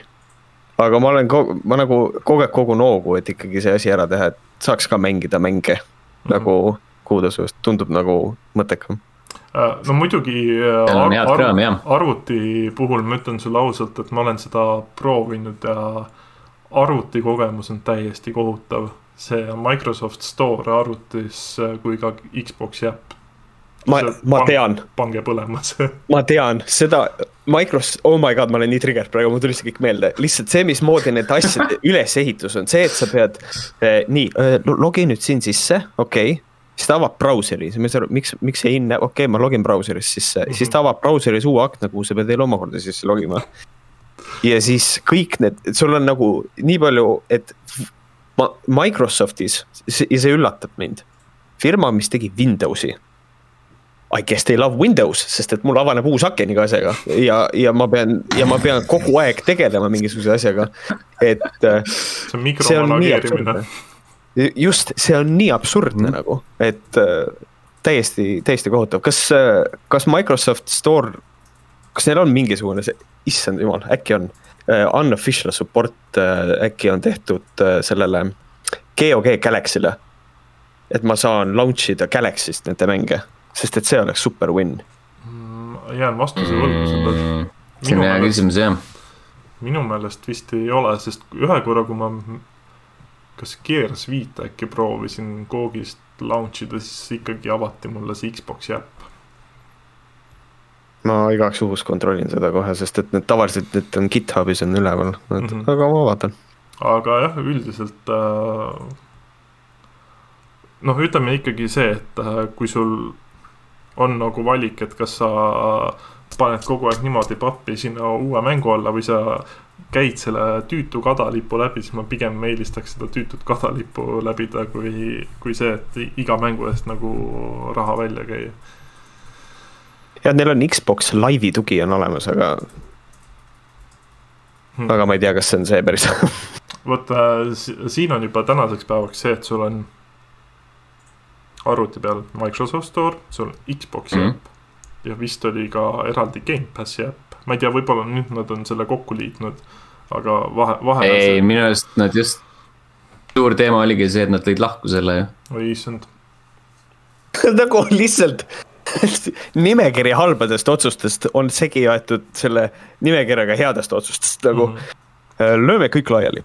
Ei, ma mõtlengi nagu selles suhtes, et sa saad mm -hmm. ju põhimõtteliselt seda ui osa saad ju emuleerida arvuti peal ka, sest lõppkokkuvõttes Xbox on ju siiski kindlate spekkidega arvuti sul mm. -hmm.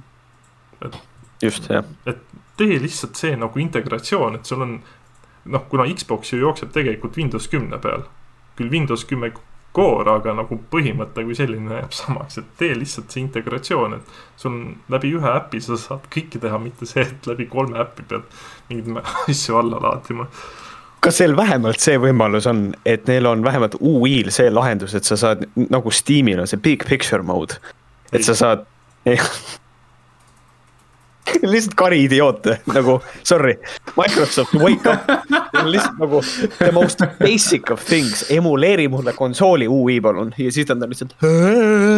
ei, ei saa aru, okei okay., sest äh, isegi telefonil nad suutsid nagu mind tõsiselt närvi ajada selle jaoks, et mul oli, noh, ma osalesin kunagi sellel X-Cloudi äh, beeta testimisel mm. -hmm. selle jaoks ma pidin äh, tõmbama store'ist eraldi selle APK alla, okei okay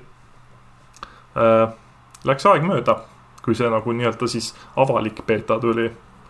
Äh, siis oli see, et tõmba Gamepassi äpp, okei okay,, tõmbasin selle alla, noh, isegi läksin seda teed, et ma muutsin enda Google'i selle Google konto regiooni ära UK peale. Äh, okei okay,, noh, sain mängida ja siis tuli teade, et ah, by the way, nüüd meil on veel nagu kolmas äpp läbi mille sa saad X-Cloudi mänge mängida. täielik bloatware et see, see oli ikka nagu klassika, siis nad, põhiline oli see, et nad tõmbasid veel, algul oli hästi hea, oli neil see Xbox'i rakendus oli, et sa said äh, telefoni kaudu ka seda Microsoft Store'i kasutada. ja selle nad lõikasid üldse välja mm,. jah see telefoni äpp on nii nukker praegu ma vaatan just äh, Tele. telefoni telefoni äpis sa saad tänaseks päevaks teha, sa saad vaadata enda achievement'e. sa saad äh, läbi. saad või? jah, mingis osas, aga mitte kõiki, selles suhtes sa yes. saad viimaseid mingeid viite äkki vaadata Uh, siis... ära anna mulle võlts lootust, ma just mõtlesin, et sellest on actually natukenegi kasu, aga praegu siin on uh, sõbralist. seal on ainsaks kasuteguriks uh, ja... on see, et sa saad läbi, läbi äpi saad endale mängu Xbox'i installima panna okei, see on isegi okei okay., see on isegi okei okay.. aga seda pead ka läbi VPN-i tegema, kui sul on UK konto on ja, ja, ja, mm -hmm. kõige kasulikum äh, selles äpis on see, et äh, sa saad otse alla laadida telefoni neid klippe ja pilte, mida sa salvestanud oled ah,. õige. nagu use, I can tell noh. aga ilmselt varsti on see selline äpp, et sa panete käima hello and welcome, click here to exit lihtsalt sihuke. see on, vaata, see on nagu see rahakassa, kus sa paned äh, mündi peale, siis see käpp tuleb ja teeb kaane mm. lahti ja läheb uuesti kinni oi, Blinn.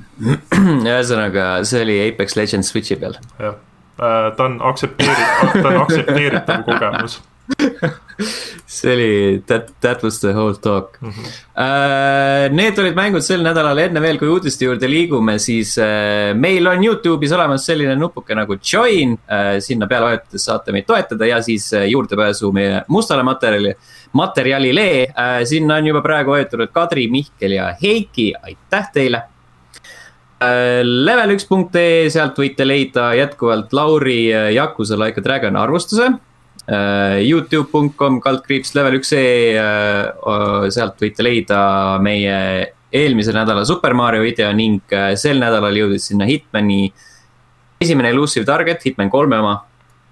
ja mängud, mis kahe podcast'i vahel ilmuvad, kaheksateist märts Cartel Tycoon Steam Early Access'is ja Neurodeck PC ja Switch'i peal üheksateist märts äh, Can't Drive This PC, PS4, PS5, Xbox One, Switch äh, ning Plants versus Zombies Battle for Neighborville Complete Edition Switch'i peal äh,. kakskümmend kolm märts on selline asi nagu äh, Tunch äh, PC, Playstation 4, Xbox One, Switch.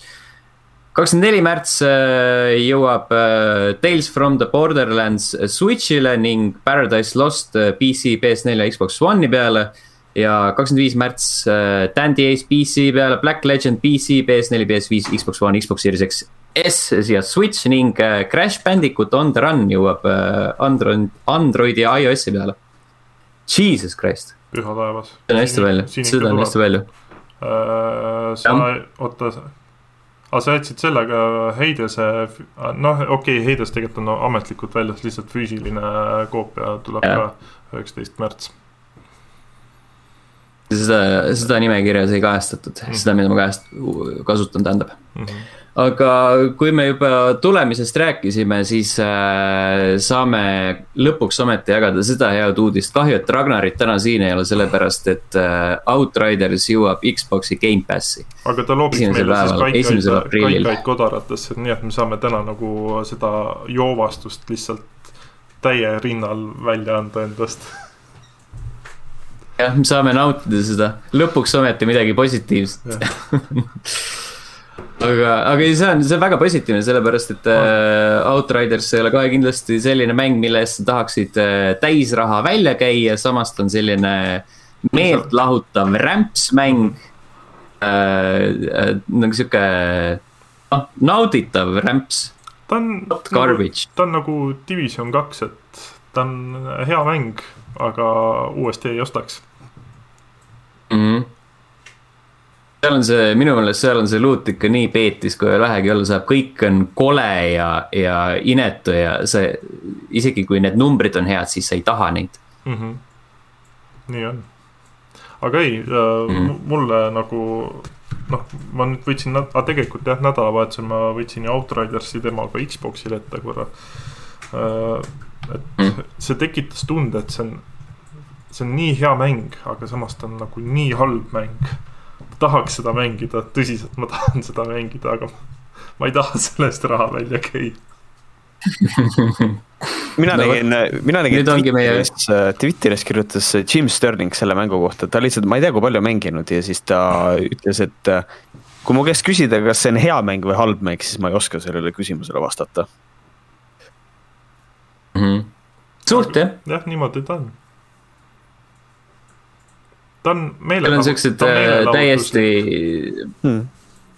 ja sellised täiesti rumalad otsused a la sul on mingi sihuke pisikene, pisikene auk ja siis äh, tuleb äh, cutscene sellest, kuidas see tüüp sellest august üle hüppab mm. -hmm.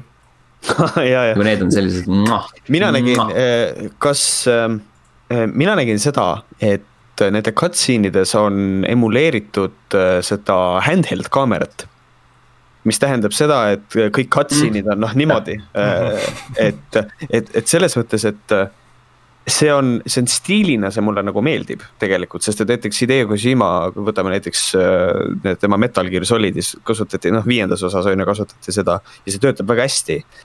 aga kuidagi nagu Outridersis oli nagu see, see kõlab nagu ableist nali, aga nagu selles mõttes mul oli sihukene tunne, et kaameramees on Michael J. Fox et nagu selle asjaga on mindud nagu nii liiale, et äh, mina olen see mängija, kellel reeglina motion sickness'it ei teki äh,. mul tekib motion sickness siis, kui ekraan väriseb hästi palju äh,. või siis, kui FOV äh, on ülimadal, siis mul hakkab natukene halb ähm, ja ma vaatasin Twitch'ist äh, mingit cutscene'i ja mul oli nagu see, et et on ikka natuke palju raisk mm,. seal on küll seda, selle, selle nii-öelda stilistilise valikuga tuleb meelde, et äh, jätkuvalt mulle meeldib äh, järjekordne selline rämpsmäng Kane and Lynch kaks, kus nad emuleerisid seda sihukest äh, sihukest räpast Youtube'i stiili, neil olid mingid loading screen'id olid ka, kus see kuradi puhverdamise logo käis ekraani peal. see oli ka uus mm. -hmm aga jah äh,. Xbox'i teemadel saame pisut veel jätkata, sellepärast et äh, nüüd on see ametlikult äh, lukku pandud, et Betesta ja kõik, kõik Zenimax Meedia stuudiod äh, kuuluvad Microsoftile, siis nad rääkisid sellest rääkisid natukene Betesta mängude tulevikust sest kuskilt jäi silma see, et kõik need eelnevad kommentaarid, mis jäid selliseks äh, umbmääraseks, et mis saab Betesta mängudest, et äh, kas nad on eksklusiivid või mitte, et, äh, et nad ei saanud nagu otseselt kommenteerida, sellepärast et see tehing ei ole olnud veel lõplik. igatahes nüüd oli äh, suur selline nii-öelda ümarlaud ja siis äh, öeldi, et äh, suurem osa Betesta mängudest äh, on tulevikus eksklusiivsed nendel platvormidel, kus on Gamepass. see on suurepärane power move mm. -hmm mm. -hmm. sest et Spencer põhimõtteliselt eh, viskas totaalselt praegu kinda Sonyle näkku ja ütles, et meil on platvorm olemas, te lihtsalt peate seda enda platvormil, või noh, et meil on Gamepass, pakkuge seda oma platvormil mm. -hmm. see on täiesti, see on täiesti mm -hmm. geniaalne samm. selles suhtes, et ta ju tegelikult otseselt nagu ei ole sihuke noh, ta nagu otseselt ei piira seda platvormi põhiselt, vaid ongi see, et meil on teenus olemas, tahad seda, võta hmm. oma platvormile see kasutusse hmm. ja nagu pole probleemi. aga see ümarlaua saade kui selline oli küll sihuke, et mul tuli päris hea uni pärast. see oli ikka, see oli igav aga vähemalt. no eks see ei olnudki mõeldud äh, selleks, et äh, promoda mingeid uusi asju. ei, ma ei, ma ei oodanud isegi seda. mis uus status quo on. ma pigem nagu tahtsingi teada saada, mis neil nagu edasised plaanid on. aga neid väga ei jagatud mm. siiski no edasised plaanid oli, olid need, et äh, Xbox'i Gamepassi jõudsid kakskümmend äh, senimaks meediamängu mm. -hmm. seal on siis erinevad Elder Scrollsid ja Dishonored'id ja Wolfensteinid ja Doom'id ja, ja muud pudi-padi. ning siis äh, see Xbox FPS boost äh,, mis algselt oli praegu neljal mängul, nüüd jõudis ka viiele nii-öelda senimaksi mängule mm. -hmm ühtlasi sinna jõudsid, et need olid äh, Dishonored, äh, Fallout neli, Fallout seitsekümmend kuus. Äh, ja siis äh, need ülejäänud kaks, mis. Skyrim ja Fallout neli. Skyrim ja siis Fallout nelja ma ütlesin, aga see, jah, see, see viimane mäng ah,, Prey. Prey jah. Prey oli see mäng mm. mm. -hmm kui suurepärane, et, et nagu lõpuks ometi on võimalik mängida Fallout nelja niimoodi, et kõrge frame rate ei lõhu mängu ära. et selles mõttes, kui, kui kuulajad ei tea seda, et siis tegelikult äh, millegipärast äh, veel Fallout neli tuli välja sellisel kujul, et äh, selle mängu in-game physics on seotud selle mängu frame rate'iga. Skyrimis oli väga suur probleem see, et kui sul, kui sul ei olnud viis sinki peal näiteks siis konkreetselt ja sul on saja neljakümne nelja hertsine monitor näiteks mm. -hmm. siis sul lendavad mammutid lihtsalt tiu, õhku järsku. sellepärast, et äh, in-engine'is äh, nende see physics, ma ei tea, kas mingi asi saab multiply da, põhimõtteliselt nad on maa peal, värisevad ja siis trigger ib äh, ragdoll ja ta lihtsalt lendab laksti ülesse taevasse. sellepärast mul Skyrimis äh, need äh, giant'id äh, panidki vahepeal ka ta taevasse lendu mm see on, see on põhimõtteliselt, seda peab fix ima, kas on olemas mood, selle jaoks on plugin, mis mm -hmm. teeb, teeb Bethesda engine'i korda. see on nii pöörane, ma seda ütlen, see on väikene DLL plugin, mille sa lihtsalt peale laed nagu mm. -hmm muidugi sul on vaja script extender'it selle jaoks, aga see on easy fix mm. -hmm. Või on lihtsalt see, et sa pead cap ima oma frame rate'i vist äh, kuuekümne peale. ja, aga samas Skyrim ja Fallout neil ei, ei ole väga mäng, mängud, mis vajaksid sada kahtekümmet hertsi nii-öelda või noh, FPS-i siis. et see, selles osas ma arvan, et need ei annaks mitte midagi sulle juurde, sest nad on ikkagi üsna slow-based äh, rollid. Sure Sure, ma saan aru, äh, ma, ma saan sellest väitest aru, aga põhimõtteliselt siin minul ei olnud seda proovi, probleemi never ever, sest mul oli viis sync peal mm. -hmm. aga probleem oli selles, et äh, ma ostsin endale monitori, mis on sada nelikümmend neli hertsi mm. -hmm. ja, ja, ja siis oli kohe, aa, I m gonna match your, I m gonna match your frame rate to that ja siis mu mäng oli kohe puruks mm. -hmm. ja siis ma pidingi nagu konkreetselt uh, Nvidias cap ima seda asja, kuni ma selle fix'i leidsin mm. -hmm. ehk kui kellelgi on nagu see monitor, mis nagu davai, ma lükkan sul Skyrimis ka FPS-i ülesse, siis seda peab äh, piirama või fix ima. jah, äh, samas ma sain aru, et see Xbox'i FPS boost on. Fuck, see oli tõsiselt veider, et see otseselt nad ei muuda mängukoodi. aga nad kuidagi äh, siis selle Xbox'i riistvara ja tarkvaraga tekitavad sulle selle illusiooni, et sul on kuuskümmend FPS mäng see on siis nagu soap opera efekt või nad trooivad ma, ma, ma ei tea, põhimõtteliselt nii palju, kui ma sellest jutust aru sain, kui sellest äh, Watch Dogs kahest räägiti, et Watch Dogs kahe puhul vist pidigi olema see, et sul in-game FPS jääb kolmekümne peale, aga sulle nagu tekitatakse, mängijale tekitatakse telerile kuuskümmend FPS huh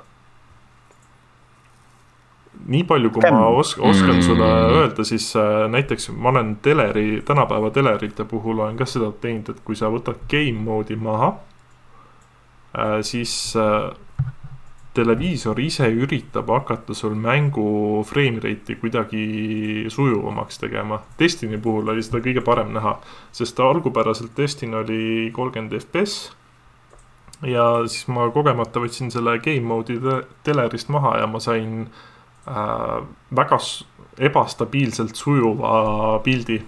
nagu oleks mm. peaaegu, peaaegu kuuskümmend FPS mäng olnud okay.. et ilm, ilmselt seal mingi sihuke taustarenderduse asi käib, et kuidas see tekitatakse. ma nii tehniliselt ei ole veel sellesse süübinud. aga tundub huvitav igastahes. siis peab tegema.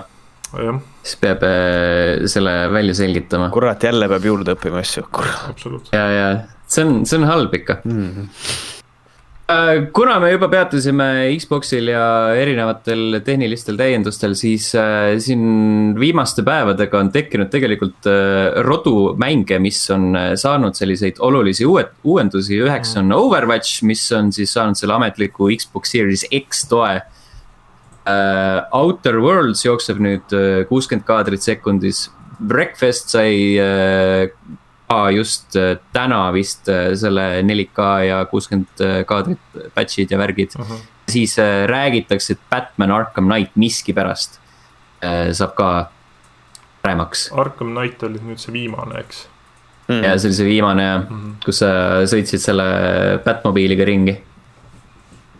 mis ei olnud nii hull, kui inimesed arvavad. ma ei tea, iseenesest võiks ju, miks mitte see oli ju üsna ka õnnetu avapauguga mäng, et. jaa, aga ta oli PC peal õnnetu okay.. konsoolidel ta jooksis suht hästi minu arust mm. -hmm ei mäleta küll, et oleks mingit probleemi olnud no,. jah, PC peal jah, oli ta täielik läbikukkumine, sellepärast et seda portis mingisugune põhimõtteliselt ma ei tea, Warner Brothers vist leidis mingi firma, mis oli lihtsalt down the street ja nad portisid selle ära ja nagu. Nad ei portinud, nad lihtsalt tegid niimoodi, et klaviatuuri hiir töötaks, aga nagu põhimõtteliselt oli hästi halb. okei. Mhm. Äh, vot äh, natukene tehnilisest äh, teemast edasi liikudes, siis äh, aastal kaks tuhat üheksateist ilmus selline mäng äh, nagu Devotion Äh, esim-, üksikisiku vaates õudukas, äh, Taiwan'i stuudio Red Candle Games'i poolt loodud. aga kuna seal oli ähm, ära peidetud või nagu nii-öelda sisse jäänud äh, üks nali, mis viitas Hiina presidendile ja võrdles teda Winnie Puhhiga, mis Hiina presidendile üldse ei meeldi siis sai see sellise vastukaja osaliseks, mille tõttu nagu Steam otsustas mängu poest maha võtta eelmisel aastal või oli see selle aasta alguses äh, ütles Coog, et kutid, meie võtame selle mängu enda poodi. siis äh, kui äh, mitmed mängurid olid Coogile sõnumeid saatnud, et, et nad on sellesse otsuses pettunud, siis Coog ütles, et heakene küll, me ei võta seda mängu enda poodi ja nüüd lõpuks ometi kaks aastat hiljem on Red Candle Games avanud enda kodulehel poe, kus saab osta siis nii äh, Devotionit kui ka nende eelmist mängu Detentionit ja siis äh, äh, mõlema soundtrack'e ja, ja kõik on DRM vabad ja mm, -hmm. ja go nuts. väidetavalt üks väga hea õudukas. tekitab küsimuse minul muidugi see, et miks äh, Steam äh,. et noh, me kõik teame, milline olukord on Hiinas ja selles mõttes, et miks Steam selle mängu maha võttis, võttes arvesse, et Steam on USA ettevõte ja neil on nagu see veits selline. Neil on first amendment right äh, seda mängu peal hoida, et nagu kas tõesti mm. Hiina overlordide push oli nii tugev või? tead, seal vist on see ka, et ju Hiina on hakanud veits lõdvendama seda mänguteemat üleüldiselt ja Steam vist on ju üsna edukas ka Hiinas hetkel. ja, ja no Et ilmselt siis on jah no,, no siis on Chinese overlord põhimõtteliselt. põhimõtteliselt küll jah nagu ma aru saan, siis neil on olemas nüüd vist Steamil on Hiina, Hiina reliis ka äh,. nagu Hiina specific, et selles mõttes, siis on loogiline, jah ja,. sest ma usun, et Hiinast ikkagi tuleb päris korralik äh, raha neile sisse tänaseks mm. päevaks. mitte, et Gabe'il seda mm, nagu igale poole meil ei ole mitte kunagi äh, õigust öelda, kui palju kellelgi raha vaja on, vaata kade võib alati olla muidugi. jah, tüüpiline mm -hmm. eestlane ongi kade naabri peale hmm kadedaks võib-olla teeb ka näiteks asjaolu, et äh, Loop Hero ehk siis mäng, millest me enne rääkisime, neil on läinud nädala ajaga väga hästi ja praeguseks on müüdud juba pool miljonit äh, seda mängu tiimis. väga hea. Super worth it mm, -hmm. see on täiesti, täiesti ära teenitud ja täiesti asja eest, noh täpselt samamoodi nagu Valheim ka selles mõttes, et minu etteheited Valheimile on, on, millised nad on, aga nad väärivad neid numbreid täielikult mm. see on hea nagu... ja hästi, hästi äge kohati jääb nagu tunne, et inimestel on veits nagu nendest kolmika mängudest veits kopp ees, tahaks nagu midagi lihtsat, lõbusat ja töötavat Äh, midagi, midagi sellist, mis on hingega tehtud. et äh, mm. indie-mängude puhul. veits on muidugi, veits muidugi see teema ka vaata, et sel aastal ei ole väga nii-öelda neid äh, suuri pauke olnud veel.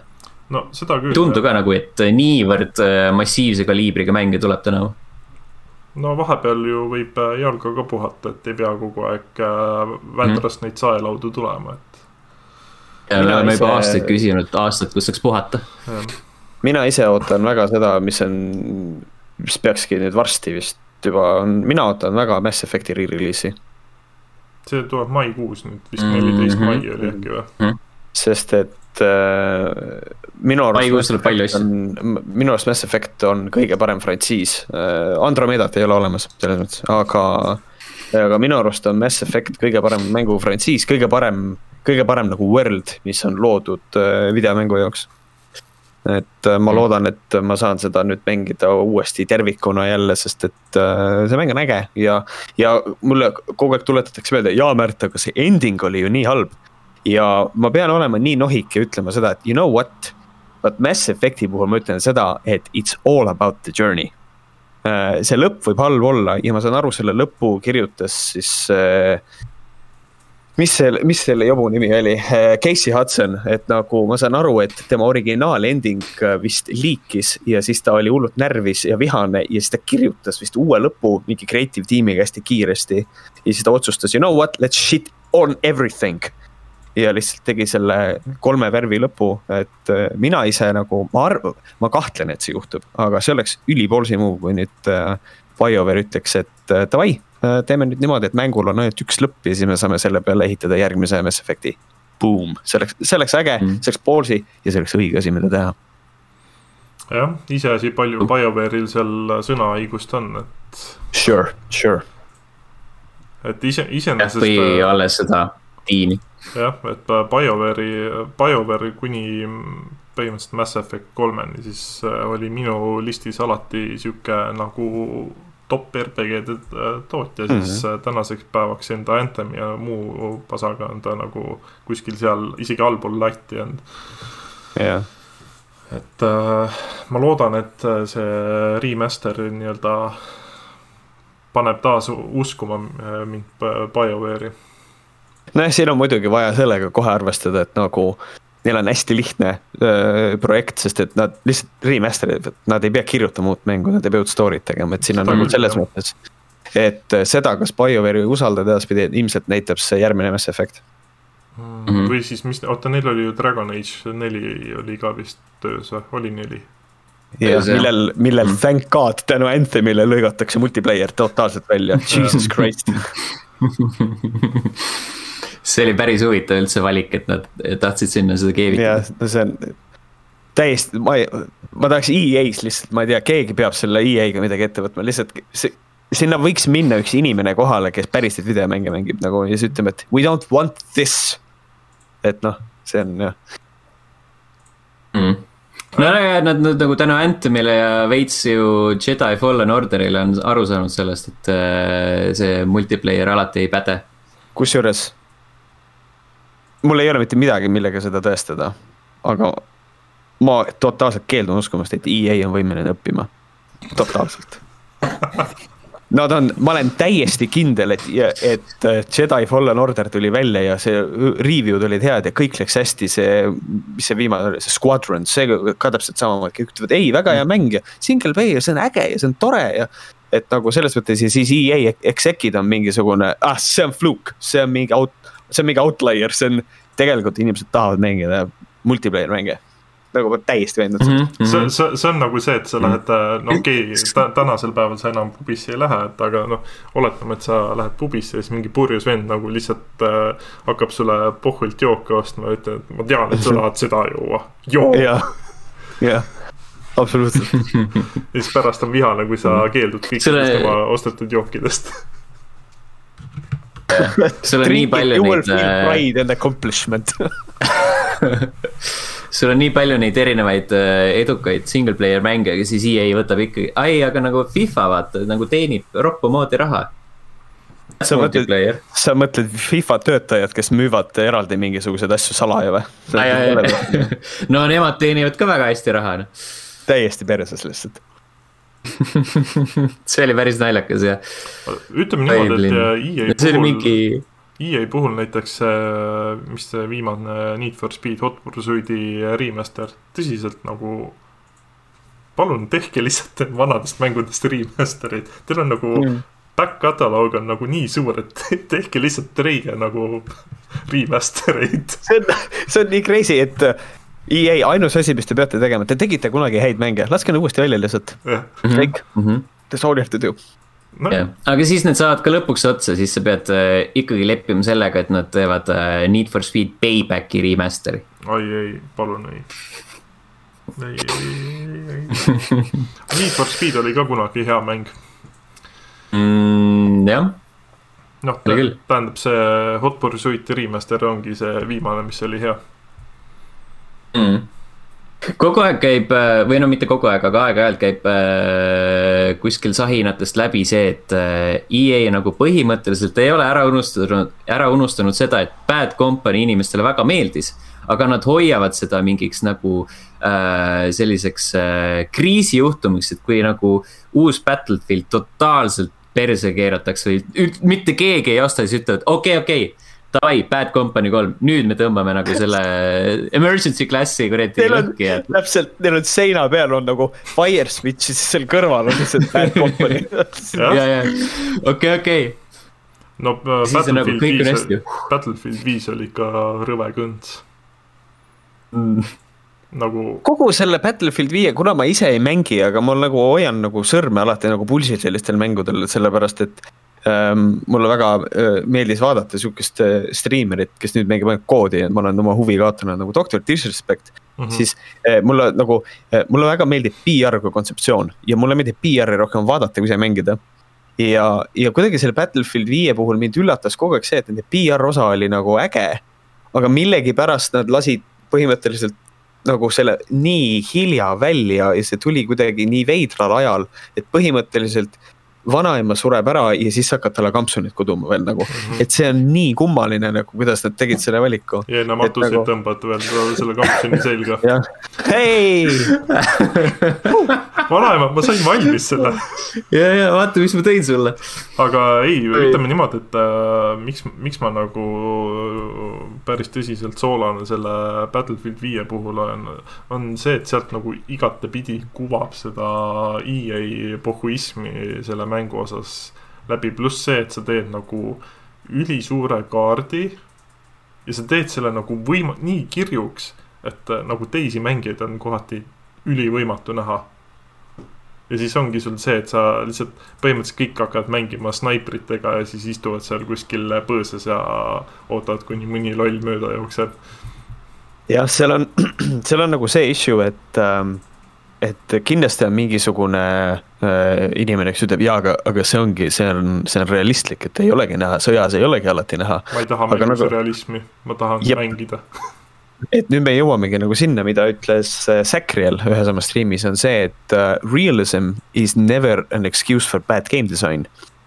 et, et nagu tegelikult on see, et päeva lõpuks ma mängin videomängu mm -hmm. ja, ja nagu ja noh, ja, nagu sa just, just ütled, et noh, et kõik mängivad snaipritega, see on puhtalt sellepärast, et ei ole näha korralikult, mis tähendab, et meta muutub. mis ta ja kui meta on äh, Eh, läheb teises suunas, kui ta peaks minema, kui ta võiks olla, siis see on probleem, millega on vaja tegeleda mm. -hmm. Mm -hmm. sest äh, ütleme niimoodi, et vanasti Battlefield kolme ja Bad Company multiplayer'i alla sai ikka nagu ämbrite viisi seda nagu lihtsalt jõhkralt mängitud, et see, see oli nagu müstika, sest see mäng toimis, ta nägi väga hea välja. ja see äh, kaardi nagu ülesehitus oli perfektne jah, selles suhtes seal oli ka neid äh, snaipritega tölle, aga sul ikkagi nagu noh, sul oli nagu see või võimalus sellest situatsioonist välja tulla. sul oli mm -hmm. nagu punkte, kus sa said hiilida sellest äh, jopust mööda ja ta nagu selja tagant vagaseks lõpuks teha mm. -hmm. Ma kirjutasin endale notepad'i ülesse selle väljendi, ämbrite viisi mängida esimest korda elus kuulsin, ma hakkan kasutama seda oi, plinn um,. ma, ma tahtsin äh, algul öelda oksembrite, et nagu oksendamiseni, aga see, see muutus jah, down the way nagu. You made it better. -hmm. Uh, rääkides vanadest mälestustest ja asjade paremaks tegemiseks, siis uh, kümnendal märtsil, kümnendal märtsil kuulutati välja selline mäng nagu Teenage Mutant Ninja Turtles Shredder's Revenge, mis on siis selline äh, põhimõtteliselt spirituaalne järg äh, Turtles in Time'ile äh,. selline arkaadikas äh, nelja mängija beat em up äh,, hästi värviline, hästi lustakas. ja ilmub äh, PC ja konsoolide peale mhm. mm -hmm. millalgi sel aastal nüüd on see koht, kus kohas ma pean tunnistama, et ma üldiselt äh, hoian ennast videomängudega väga kursis, cause I love them. ja, ja nüüd oli siis see, et äh, kutsutakse mind siia podcast'i ja siis visatakse dokument, ma vaatan, noh, DMNT, ma tean, mida see lühend tähendab. ja siis ma vaatan ja ma olin nii hyped. sellepärast, et need on ühed kõige paremad äh, beat em up mängud, mis olid äh, kas siis äh, NES-i või, või SNES-i peal üldse. ja, ja nüüd teha selline mäng praegu, issand jumal, äh, tõenäoliselt ma ostan selle ka, sest et see on. see, ma olen nagu legit hyped, mulle nagu väga meeldib mm., sellepärast et äh, ma võin emulaatori peal neid mänge mängida, aga emulaatoril on täpselt sama probleem, mis originaalkonsoolil, et tal on samad piirangud. ehk siis, kui mul tuleb ekraanile kolm, kolm tüüpi rohkem siis mul on frame rate on kohe ilusasti kakskümmend kolm, on ju. -hmm. ja siis mul on, mängin seda mängu aegluubis siis osad karakterid hakkavad vilkuma, sellepärast et hardware ei jõua järgi. et nüüd nagu modernse masinaga mängida sihukest beat em up'i, I can't wait. Äh, selleks mm. eelmisel aastal ilmunud Streets of Rage neli oli väga ehe näide, kuidas, kuidas seesama stuudio tegelikult äh,. sama väljaandja. jah, sama väljaandja kui ka stuudio, ma sain aru vist või stuudio oli äh,? stuudio on Tribute Games, kes tegi äh, Scott Pilgrimi. aa ah,, okei okay., no ikkagi. siis, äh, mis ka. Äh, just uuesti välja lasti mm. -hmm. et äh, selles mm -hmm. suhtes, et äh, igastahes see annab lootust, et see tuleb väga nii-öelda siis originaalfiiliga mäng, lihtsalt ongi see, et sa saad teda paremini mängida okei okay,, cool, siis väga hea, siis ma panen endale kirja Streets of Rage neli, sellepärast et mul, ma muidu kasutan mm,. ma kasutan sihukest emulaatorit nagu RetroArch oma arvutis, et mängida siukseid vanu mänge mm -hmm. ja, ja Streets of Rage'id ja mm -hmm. mulle nagu beat em up kui žanr tegelikult väga meeldib. no Streets of Rage neli selles suhtes mm -hmm. graafiliselt näeb ikkagi nagu tänapäeva mäng välja, aga ja, lihtsalt see ja. nagu kogu see mängu ülesehitus ja see on täpselt seesama, mis on originaalidel mm. -hmm. sest uh, mul on see, mis yeah. see, mis iganes see on, see kuradi Megadrive mini või see, et seal on see Streets of Rage kaks on äh, ka peal ja no ütleme niimoodi, et täpselt sama feel, lihtsalt kuusteist bitti hmm.. Hmm. Need levelid ja need värgid on ka tegelikult ju põhimõtteliselt remake'id vanadest levelitest. jah, seda küll. seal nagu on hästi palju sihukest äratundmisrõõmu mm. -hmm ja äh, rõõmust rääkides, siis viimase uudisena panin kirja selle, et äh, Astros Playroom ehk siis eelmise aasta ühe parima platvormika PS5 debüütteose ja siukse suurepärase tehnoloogia tutvustaja. väga hea soundtrack on nüüd igal pool olemas, striimitav platvormidel. hea muss eriti, eriti see, kuidas see konsooli GPU laulab, mida ta teeb. väga chill. mina ootan, et Loop Hero soundtrack oleks ka ilusasti igal pool üleval, kui ta veel ei ole muidugi. kas sa, kui sa ostad selle, kas sa Steamis ka, sa ei saa seda? jah, aga Steam'i kõik need mm. soundtrack'id tulevad kaasa mingi, sa pead neid Steam'i vist audio player'is mängima või? Äh, sa saad, äh, noh, ta on MP3 või FLAC failina, et sa saad teda muu, muu asjaga ka mängida, aga jah. Thank god, siis on, siis on mõte seda teha isegi. Sest ma olen äh, see tüüp, et mm. kui mänguga digitaalne soundtrack kaasa tuleb, siis ma lükkan need alati sellise asja peale mm. -hmm. see ei ole telefon kas äh,, huvitav küsimus teile mis oli esimene mäng no,, mida te mäletate äh,, millel äh, te panite tähele, et issand, kui hea soundtrack on. et nagu esimene mäng, millel nagu, muidu ei ole üldse tähele pannud, et oh, hea muusika, vot oli esimene mäng, et kurat, muss on hea.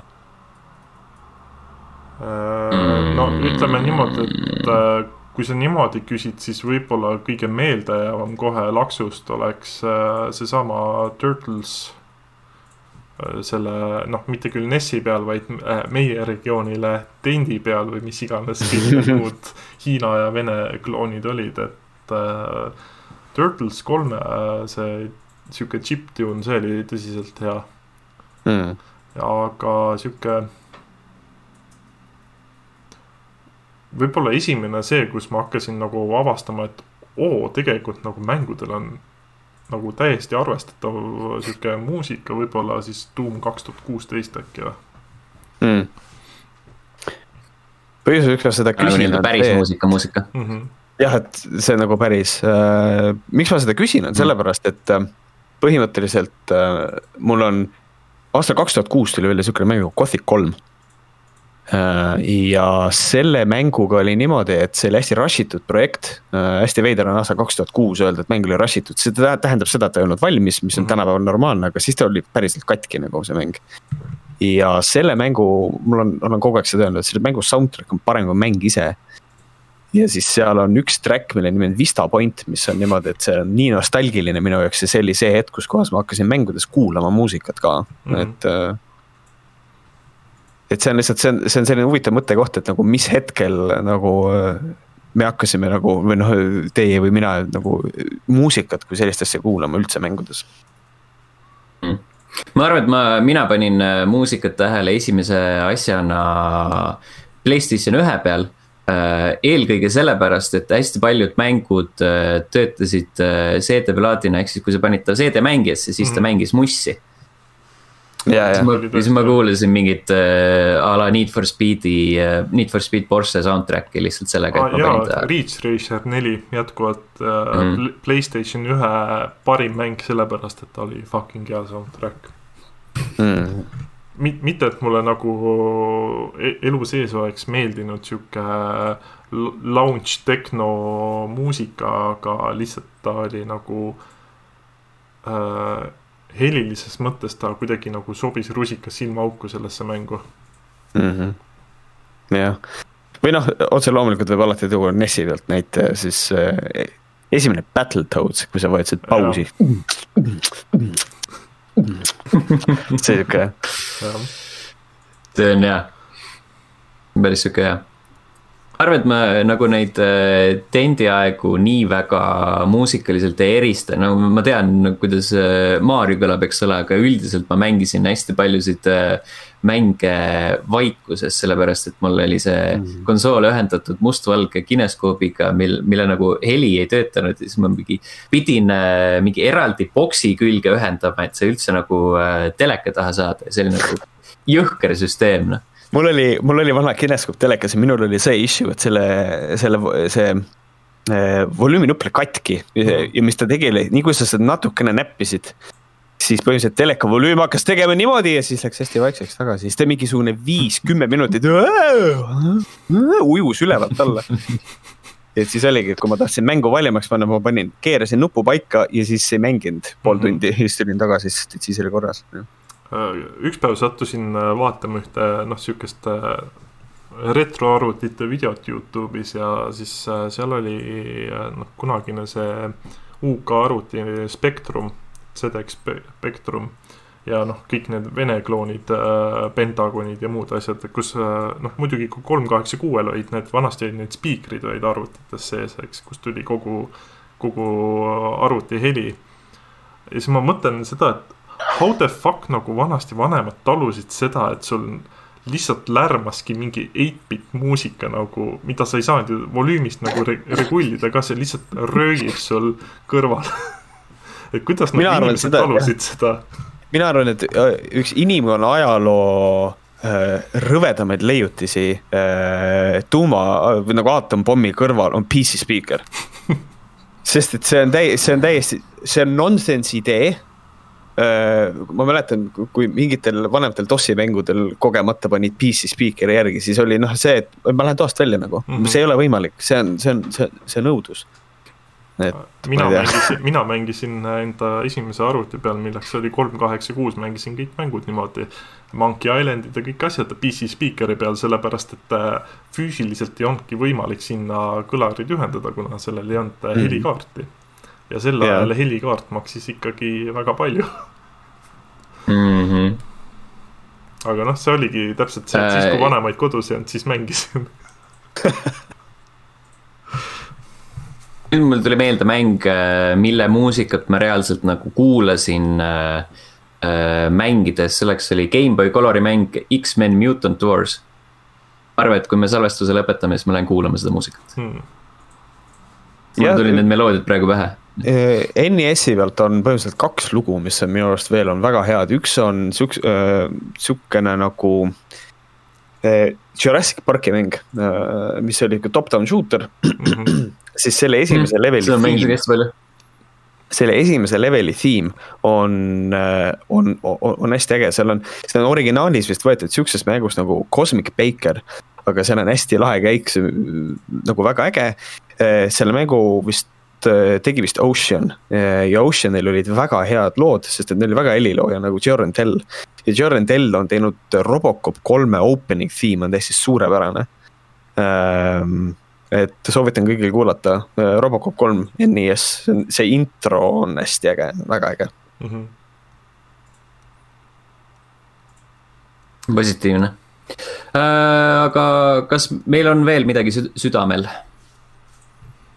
Nagu videomängudega seoses võib-olla ei ole, mul nagu muidu võib-olla on hästi palju, aga ma ei tea, kas te tahate seda rääkida sa võid, meil on vaba mikker, sa võid, sa võid nüüd rääkida me oleme, me oleme absoluutselt igasuguseid teemasid arutanud siin lisaks videomängudele ja. saates. me oleme väga poliit, poliitkesksed uh,. Uh. Äh, siis me oleme kõik muud elus, äh, elust enesest kõik mul..., mis vähegi vajavad. ega vist, ega vist ei ole, ma, ma, ma arvan, et mul ei ole veel midagi sihukest, mille, mida tahaks nagu rentida, et meil nagu teemadelt otseselt ei olnud rohkem midagi võtta, küll. Mm. Äh, säästad äh, enda saate jaoks, ühesõnaga Mm -hmm. no öö, vaatab, oma, omad saates ma ei mängi, selles mõttes mul on hinges väga paljusid rente ka videomängude teemadel, aga, aga ma arvan, et siin ei ole kohta ega aega ka rääkida sellest, kui vale on mentaliteet, et don't worry, mothers will fix it. ma lähen kohe tilti, kui ma seda kuskilt loen jaa, see on aus. selge, aga noh, nii, lõpetame mõtte ära. ma tahtsin öelda jah, et see on nagu nii kurb on see, et äh, sul reaalselt community hakkab lõpuks äh, seda mängu ise fix ima selleks, et nad saaks seda mängida jah, või sul on, okei okay, mm., nüüd see, nüüd, nüüd see äh, Pandora laegas veits avanes nagu. aga oh, siin, aga siin on nagu see teema, et kui sul on nagu saavad kokku nagu noh, me räägime praegu, mina räägin praegu täiesti Pedesta kontekstis praegu mm. sellest asjast, et Pedestas on olemas sihuke content creator nagu Oxhorn, kes on põhimõtteliselt teda võib täiesti ausalt võib öelda, et ta on debiilik ja siis ja siis on sihukene inimene nagu Gopher Gaming või noh, lihtsalt Gopher, kes on nagu väga äge, väga nagu hästi level headed kuigi ta on vana mees ja tal on väga suured buumeri probleemid, mis puudutab noh, mis iganes UI-sid ja asju mm. -hmm. ja siis nad tegid mingisuguse podcast'i ühe, ühe mod creator'iga nagu Äh, kes tegi Fallout neljale siukse ägeda moodi nagu Sim Settlements, mis tähendab seda, et sa, sa ei pea settlement ehitamisega ise tegelema, vaid on tehtud mood. Sa plopid äh, paika kohad, kuhu sa tahad, et majad ehitatakse, siis ressursi baasil settlement ise ehitab äh, settlement'i ülesse, which is a brilliant idea mm. -hmm. ja, ja kui me räägime üldse Bethesdast, et nende settlement building ma ei ole näinud elu sees rohkem half-ass itumat asja kui see settlement building, ma lähen jälle tilti sellest. Oh my god, see oli nii, see oli lihtsalt davai uh,, settlement building, kolm tooli, kaks lauda. Players are happy with this. Fuck you, ei ole, see on vähe uh, kogu see building süsteem äh, nagu, et lihtsalt ma ei saa laua alla panna kasti, sellepärast et laud on äh, mesh'ina nelinurk ja sinna ei tohi mitte mingi asi sisse klippida come to your fucking senses, kuidas see võimalik on. aga, ja siis nad hakkavad rääkima sellest seal, et noh, et Kohver ütleb nagu selgelt välja selle, et, et see probleem on see, et see settlement building on nagu lõpuni arendamata, et seal on nagu nii palju asju, mida võiks nagu fix ida ja siis Oxford on täiesti nonchalantly ütleb. Yeah, but if you go on to the Nexus, then there's mods for that. ja ma mõtlen seda, et ma tahaks panna selle inimese vangi. et nagu see mentaliteet, see mentaliteet, et dev teeb mängu valmis ta ei pea sinna mitte mingisugust effort'it sisse panema, sellepärast et meil on Gamebryo engine, mis on kakskümmend aastat vana ja inimesed teevad selle mängu ise korda. ja nad ei saa selle eest palka, nad teevad seda oma vabast ajast ja siis tuleb mingi eh, inimene, kelle töö on mängida teiste inimeste moodidega, mida teised inimesed on teinud ja teha see Youtube'ist sõna otseses mõttes rahaks mul ei ole content creator'i vastu mitte midagi, aga et öelda selline mõte välja, aga selle jaoks on moodid olemas, get fucked, see ei ole okei okay. mm.. see on nagu nii loll suhtumine, see on nii ebaterve, et nagu mina tahan eeldada seda, et ikkagi developer teeb nagu mängu valmis, mõtleb süsteemid ilusasti läbi. sellepärast, et iga kord, kui ma olen Fallout äh, nelja mänginud mul on Fallout neljas praeguseks hetkeks vist kaheksasada tundi olen seda mänginud. ma olen selle mängu läbi teinud ühe korra, sellepärast et äh, see mäng on kusi. See mäng on halb. Selle mängu narratiiv on halb, nad retcon ivad nii palju asju, ma vihkan Fallout kolme, ma arvan, et see frantsiis võiks ära surra, sellepärast Bethesda on selle totaalselt hävitanud. või andke see frantsiis In Exile'ile tagasi, sest et In Exile põhimõtteliselt In Essence tegi esimesed kaks Fallouti, las nad võtavad tagasi las nad, let them save their fucking baby, need on kõik praegusel hetkel Microsofti stuudiod. ma loodan, et Phil Spencer võtab Todd Howardil munad pihku, ütleb davai, nüüd on see hetk, et Starfield on sinu oma ja nüüd Fallout läheb nendele inimestele, kes tegelikult mänge oskavad teha nagu. Go back to your room and cry, et nagu uh, ühesõnaga. kusjuures jaa, vaata hästi naljakas on see, et äh, ma olen sihuke nagu üld, üldiselt, jah, see on tõesti sihuke aplausi väärt. et ma üldiselt nagu olen ise mängude puhul sihuke purist, et ma, ma ütlen ausalt, ma tõsiselt teinekord vihkan moode. aga Bethesda mängud nagu jah, palun tehke lihtsalt, lükake neid fucking moode täis, sest Bethesda mängudel moodid teevad selle palju nauditavamaks mm. -hmm.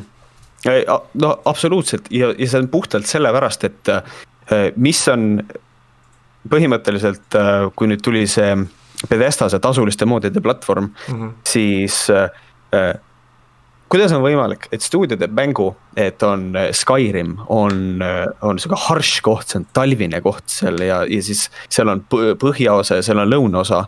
ja nad ei tule selle peale, et sellel võiks olla survival mechanic, kus sa pead oma kehatemperatuuriga tegelema näiteks. ja siis on sihuke, ja siis on sihuke moder, modern nagu Chesko, kes ütleb, aga here's a whole system ja siis ta teeb sinna survival, sihuke mood olemas nagu Frostfall mm. -hmm. ja siis sa paned sinna otsa sihukese moodi nagu I need, mis tähendab, et sa pead sööma, jooma ja magada. mis kõik muuseas sa võid regullida, kui palju sa pead sööma, kui palju sa pead magama mm. -hmm. mina keeran tavaliselt magamise maha, kes no, fuck that. aga, aga, aga lihtsalt see, et eh, ma tean, et ma pean minema High Hrothgari tippu rääkima, eks ole. ma tean, mul peavad olema seljas soojad riided ja mul peab olema nagu rations kaasas, et ma nälga ei oleks, kui ma sinna ülesse lähen. ja see annab sellele mängule nii palju juurde juba mm, -hmm. lihtsalt see võrd ise nagu toetab naljakas, et sa selle välja tood mulle mm -hmm., noh, ma tahtsin naljatades öelda, et äh, aga sa oled ju nii badass äh, tüüp, et sa oled see Dragonborn. et äh, sul ei hakka kunagi külm, aga samas äh, siis, kui ma sinna mäe otsa ronisin, siis ma mõtlesin ka, et okei okay,, mu tüüp on nagu mingi palja ülakehaga kirvega vend. aga tal ei hakka kunagi külm jep, see on äh, põhimõtteliselt ähm,, mul ei tule selle tüüp, tal on hästi veider nimi, see, kes kirjutab ähm, seda sõnnikut, mis on äh, Bethesda viimaste mängude see stsenaarium mm. -hmm. temal on see põhimõte, et ähm, et KISS ehk keep it simple stupid, kui ta kirjutab mängudele lugusid mm. -hmm. ja siis äh, ei ole mitte midagi igavamat, kui mängida karakteriga, kes on the chosen one algusest peale nagu mm. -hmm. Anna mulle see võimalus, et ma ehitan ennast ülesse, noh nagu Morrowindis või nagu Daggerfallis, mis on actually väga hea mäng, soovitan mm -hmm. mängida. Unity versiooni veel eriti. et, äh, et nagu las ma nagu mängin oma tegelase suureks, et las seal taga olla mingi vaev, mitte mul on see, et noh, see on, see on nii, see on nii lollakas, et ma kõnnin sisse äh, põhimõtteliselt ähm, mis selle, Winterhold on selle nimi, kus kohas on see Mage College on ju. ma kõnnin sinna sisse ja siis mu käest, mul on värava peal keegi ees ütleb, et noh, et äh, ma ei tea, miks sa siia kolledžisse sisse tahad saada. ja sa ütled talle reaalselt, ma tahan, I want my enemies to burn, okei okay?. ja siis ta nagu tere tulemast, et nagu seal ei ole isegi, seal ei ole isegi seda hetke, et okei okay,, et nagu. et see ülim vabadus ongi nagu see ja siis ma kõnnin uksest sisse ja siis on nagu kuule äge, tere tulemast uh,, by the way, meil ei ole Archmage'i. sina oled nüüd, siis on nagu see, et nagu issand, kui igav ja mõttetu, let mm -hmm. me work for this. Et no, no see, see sai alguse Oblivionist juba. Oblivionis oli ka, et äh, algul nagu sa mõtled, et oo, sa oled vangis, et sa nagu et sul noh, kindlasti see nagu tuleb see eesmärk, aga sul on lihtsalt näed ma sa, sa saad selle mingi medaljoni. You are the chosen one, nüüd mine, palun, uks on seal ma nägin sind unes nagu, ahah, okei okay,, old man. Ja siis oledki one, absoluutselt jah, see on nii igav, et noh, Kingdom Come Deliverance on näiteks see, kus kohas sa oled tükk sitta, kõik. Ja sa pead enda nagu selle maine seal üles ehitama ja. jah, the word is your oyster, have fun on ju, et lihtsalt. või siis nagu mängud, mis nagu väga mängivad mingisuguse staatusega nagu, nagu näiteks äh, Witcher kolm, et selles mõttes nagu everybody hates you. Mm. -hmm. But they need you. Ja see on nagu väga lahe dünaamika jah, et sa oled Mitte, nagu iga, just jah, Witcher kolmes eriti veel sa saad nagu seda äh, verbaalset soppa kogu aeg endale näkku, aga siis on ikka see, et kuule, et tule aita nüüd. Hmm.. jah, et, et see on palju põnevam, selle asemel siis Pedesta teeb mängu, kus kohas ma kõnnin suvalisse asulasse sisse, siis Town Garden, what is it, dragons? ja siis nagu lõpp kõige naljakam valik oli minu jaoks äh, Fallout kolmest Fallout neljale üleminek. Äh, sa teed põhimõtteliselt Äh, mis see vahe oli, peaaegu kümme aastat või ei vähem, viis, viis kuud mm.. et äh, sa teed põhimõtteliselt täpselt sama looga mängu lihtsalt uuesti. jaa, see on täpselt sama mäng ja isegi DLC-d on täpselt samad, et sul on nagu see The Pit, okei okay,, Raiderid ehk siis Nuka World mm, -hmm. okei okay,, davai, siis on see kus sa läksid eemale teisele saarele, mis ühes mängus oli Far Harbor ja teises oli Point Lookout mm. -hmm et põhimõtteliselt ongi, noh ja see on sellepärast, et teil kirjutab seda lugu seesama inimene ja ta ei oska, tal ei ole nagu see inimene tule, sorry, tuleks lahti lasta see inimene. kui on, kui meil on cancel culture, siis mul on nagu see soovitus, et see on see tüüp, kes tuleks nagu cancel dada, sest et ta kirjutab sama lugu otsast peale kogu aeg. ja selles mõttes ma ütlen ausalt, et äh, mul oli kõige hullem, kuidas mina Fallout nelja mängisin, oli see, et ma äh, noh, ma olin sihuke sinisilmne debiilik kes lootis, et äh, oh, ma teen Fallout kolme läbi, ma teen New Vegase läbi, seal on kindlasti mingi lugu, mis seob neid ja siis lihtsalt panen Fallout nelja peale, hakkad mängima seda. see on sama mäng. ma just mängisin seda, ma lõpetasin nagu enda fucking viiekümne tunnise mängu aega Fallout kolme.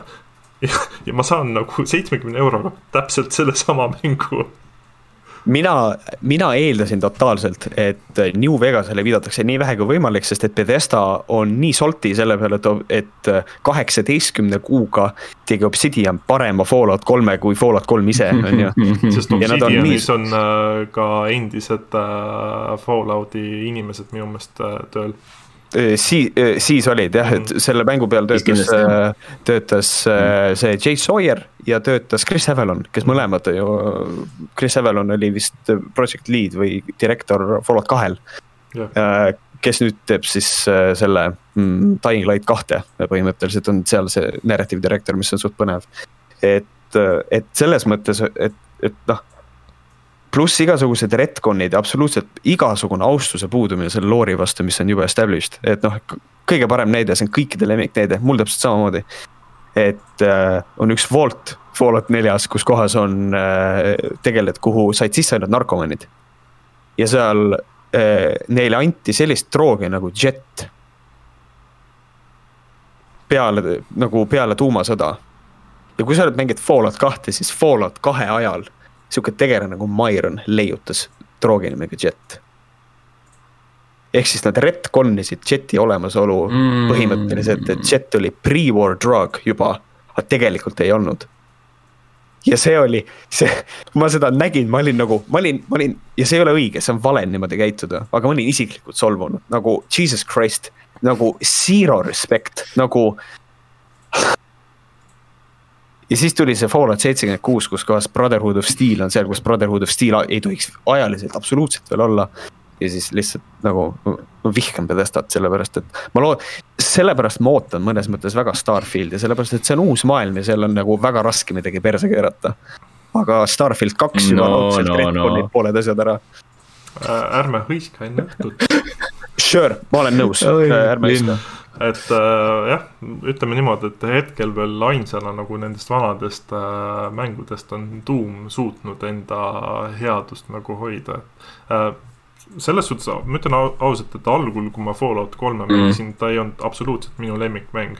ma nagu tõsiselt vihkasin seda, sellepärast et see oli mingi shooteriks tehtud, see ei olnud nagu top-down RPG enam see ei mm -hmm. olnud käigupõhine, sul ei olnud mitte midagi, sul olid nagu nii fucking igavad äh, dialoogivalikud, aga ta nagu mängu edasi nagu mängides ma, ta nagu ikkagi kasvas ja ta hakkas mulle meeldima, et selles suhtes, et Fallout kolm ja New Vegas on siiani mul nagu üsna topis mm. -hmm. aga siis, kui see neli tuli, siis nagu sorry, neli ja seitsekümmend kuus on nagu lihtsalt pange põlema mm.. asi, mida mina ootan praegu kõige rohkem, on see, et äh, praegu porditakse või noh, tehakse uuesti Fallout New Vegast äh, siis moodina Fallout nelja mootoris ja see on asi, mida mina ootan väga mm. -hmm. sest et see on, see on, see vist on siis äh, sellele, ma arvan, et sellele moodile tekib eraldi modding siin veel ja siis on lõpuks ometi selles mootoris mäng, mis tõsiselt väärib nagu mängimist. Nad võiks veits värvi ainult lisada juurde, kui ainult pruun no ja selles see point ongi. veits. et äh, mm. kusjuures äh, ma, ma nägin kuskil Redditis oli selle kohta tehtud teema, kus kohas küsiti päriselt inimese käest, kes äh, elab Mojave kõrbes. et kas tegelikult ka on seal oranž kogu aeg ja siis öeldi, et kui ilm on õige, siis jaa, no otse loomulikult mm, -hmm. tegelikult on. aga, aga pigem oranž kui roheline, nagu oli seal äh, Fallout kolmes. Fallout kolmes jah. ja see oli mm -hmm. mingi totaalselt roheline lihtsalt mm. -hmm. aga õnneks on praegusel mm -hmm. hetkel, me elame selles ajastus, kus kohas sa võid igale mängule ENB peale panna mm -hmm. ja mhm. muuta, kuidas see mäng välja näeb. see pluss. aga siiski, vaatamata kõigele, mulle Fallout, noh, Fallout nelja ma olen palju mänginud, aga, aga ma seda vist uuesti enam ei viitsi.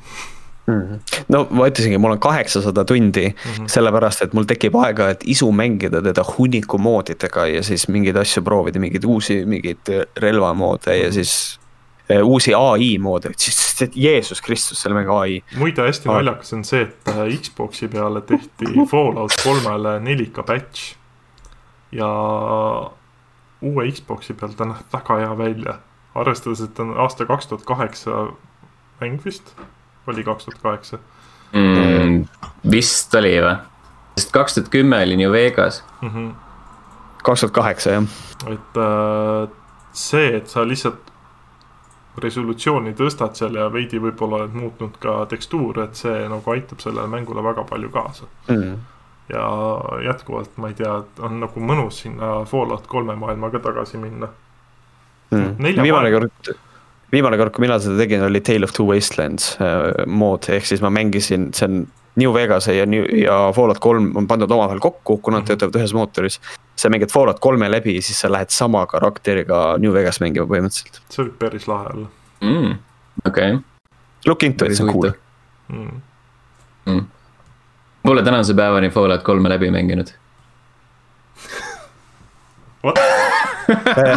Fallout kolmel on, Fallout kolme kõige suurem probleem on see, et sa ei ole selle mängu protagonist. sa ei ole selle mängu peategelane mitte ükski moment ja see on selle mängu narratiivi kõige suurem probleem. ja kui sa tahad mängida hästi efektiivset karakterit, siis äh, sa ei, kui sa lähed lockpick'i tree peale skill ides, siis sa ei, väga harva on see hetk, kus kohas põhimõtteliselt kõik safe'id mängudes on, seal kõrval on peaaegu alati arvuti, millega sa saad selle lahti, et siis sa valid, kas sa teed lockpick'i või sa teed äh,, lähed science'i peale. ja see on IMO, see on shitty game design, et nagu ma leian seda, et mõnes mõttes võiks olla gate itud, et nagu on mingid safe'id, kuhu sa ei saagi ligi, kui sa ei oska nagu lukku Mm. muukuda mm.. New Vegas teeb seda väga hästi ja kogu nende skill check'i süsteem, see on mu järgmine rent põhimõtteliselt, aga kogu skill check'i süsteem on oluliselt parem äh, siis New Vegases, sellepärast et kui su skill on piisavalt kõrge mm, -hmm. siis on garanteeritud, et sa saad äh, speech check'i tehtud äh,.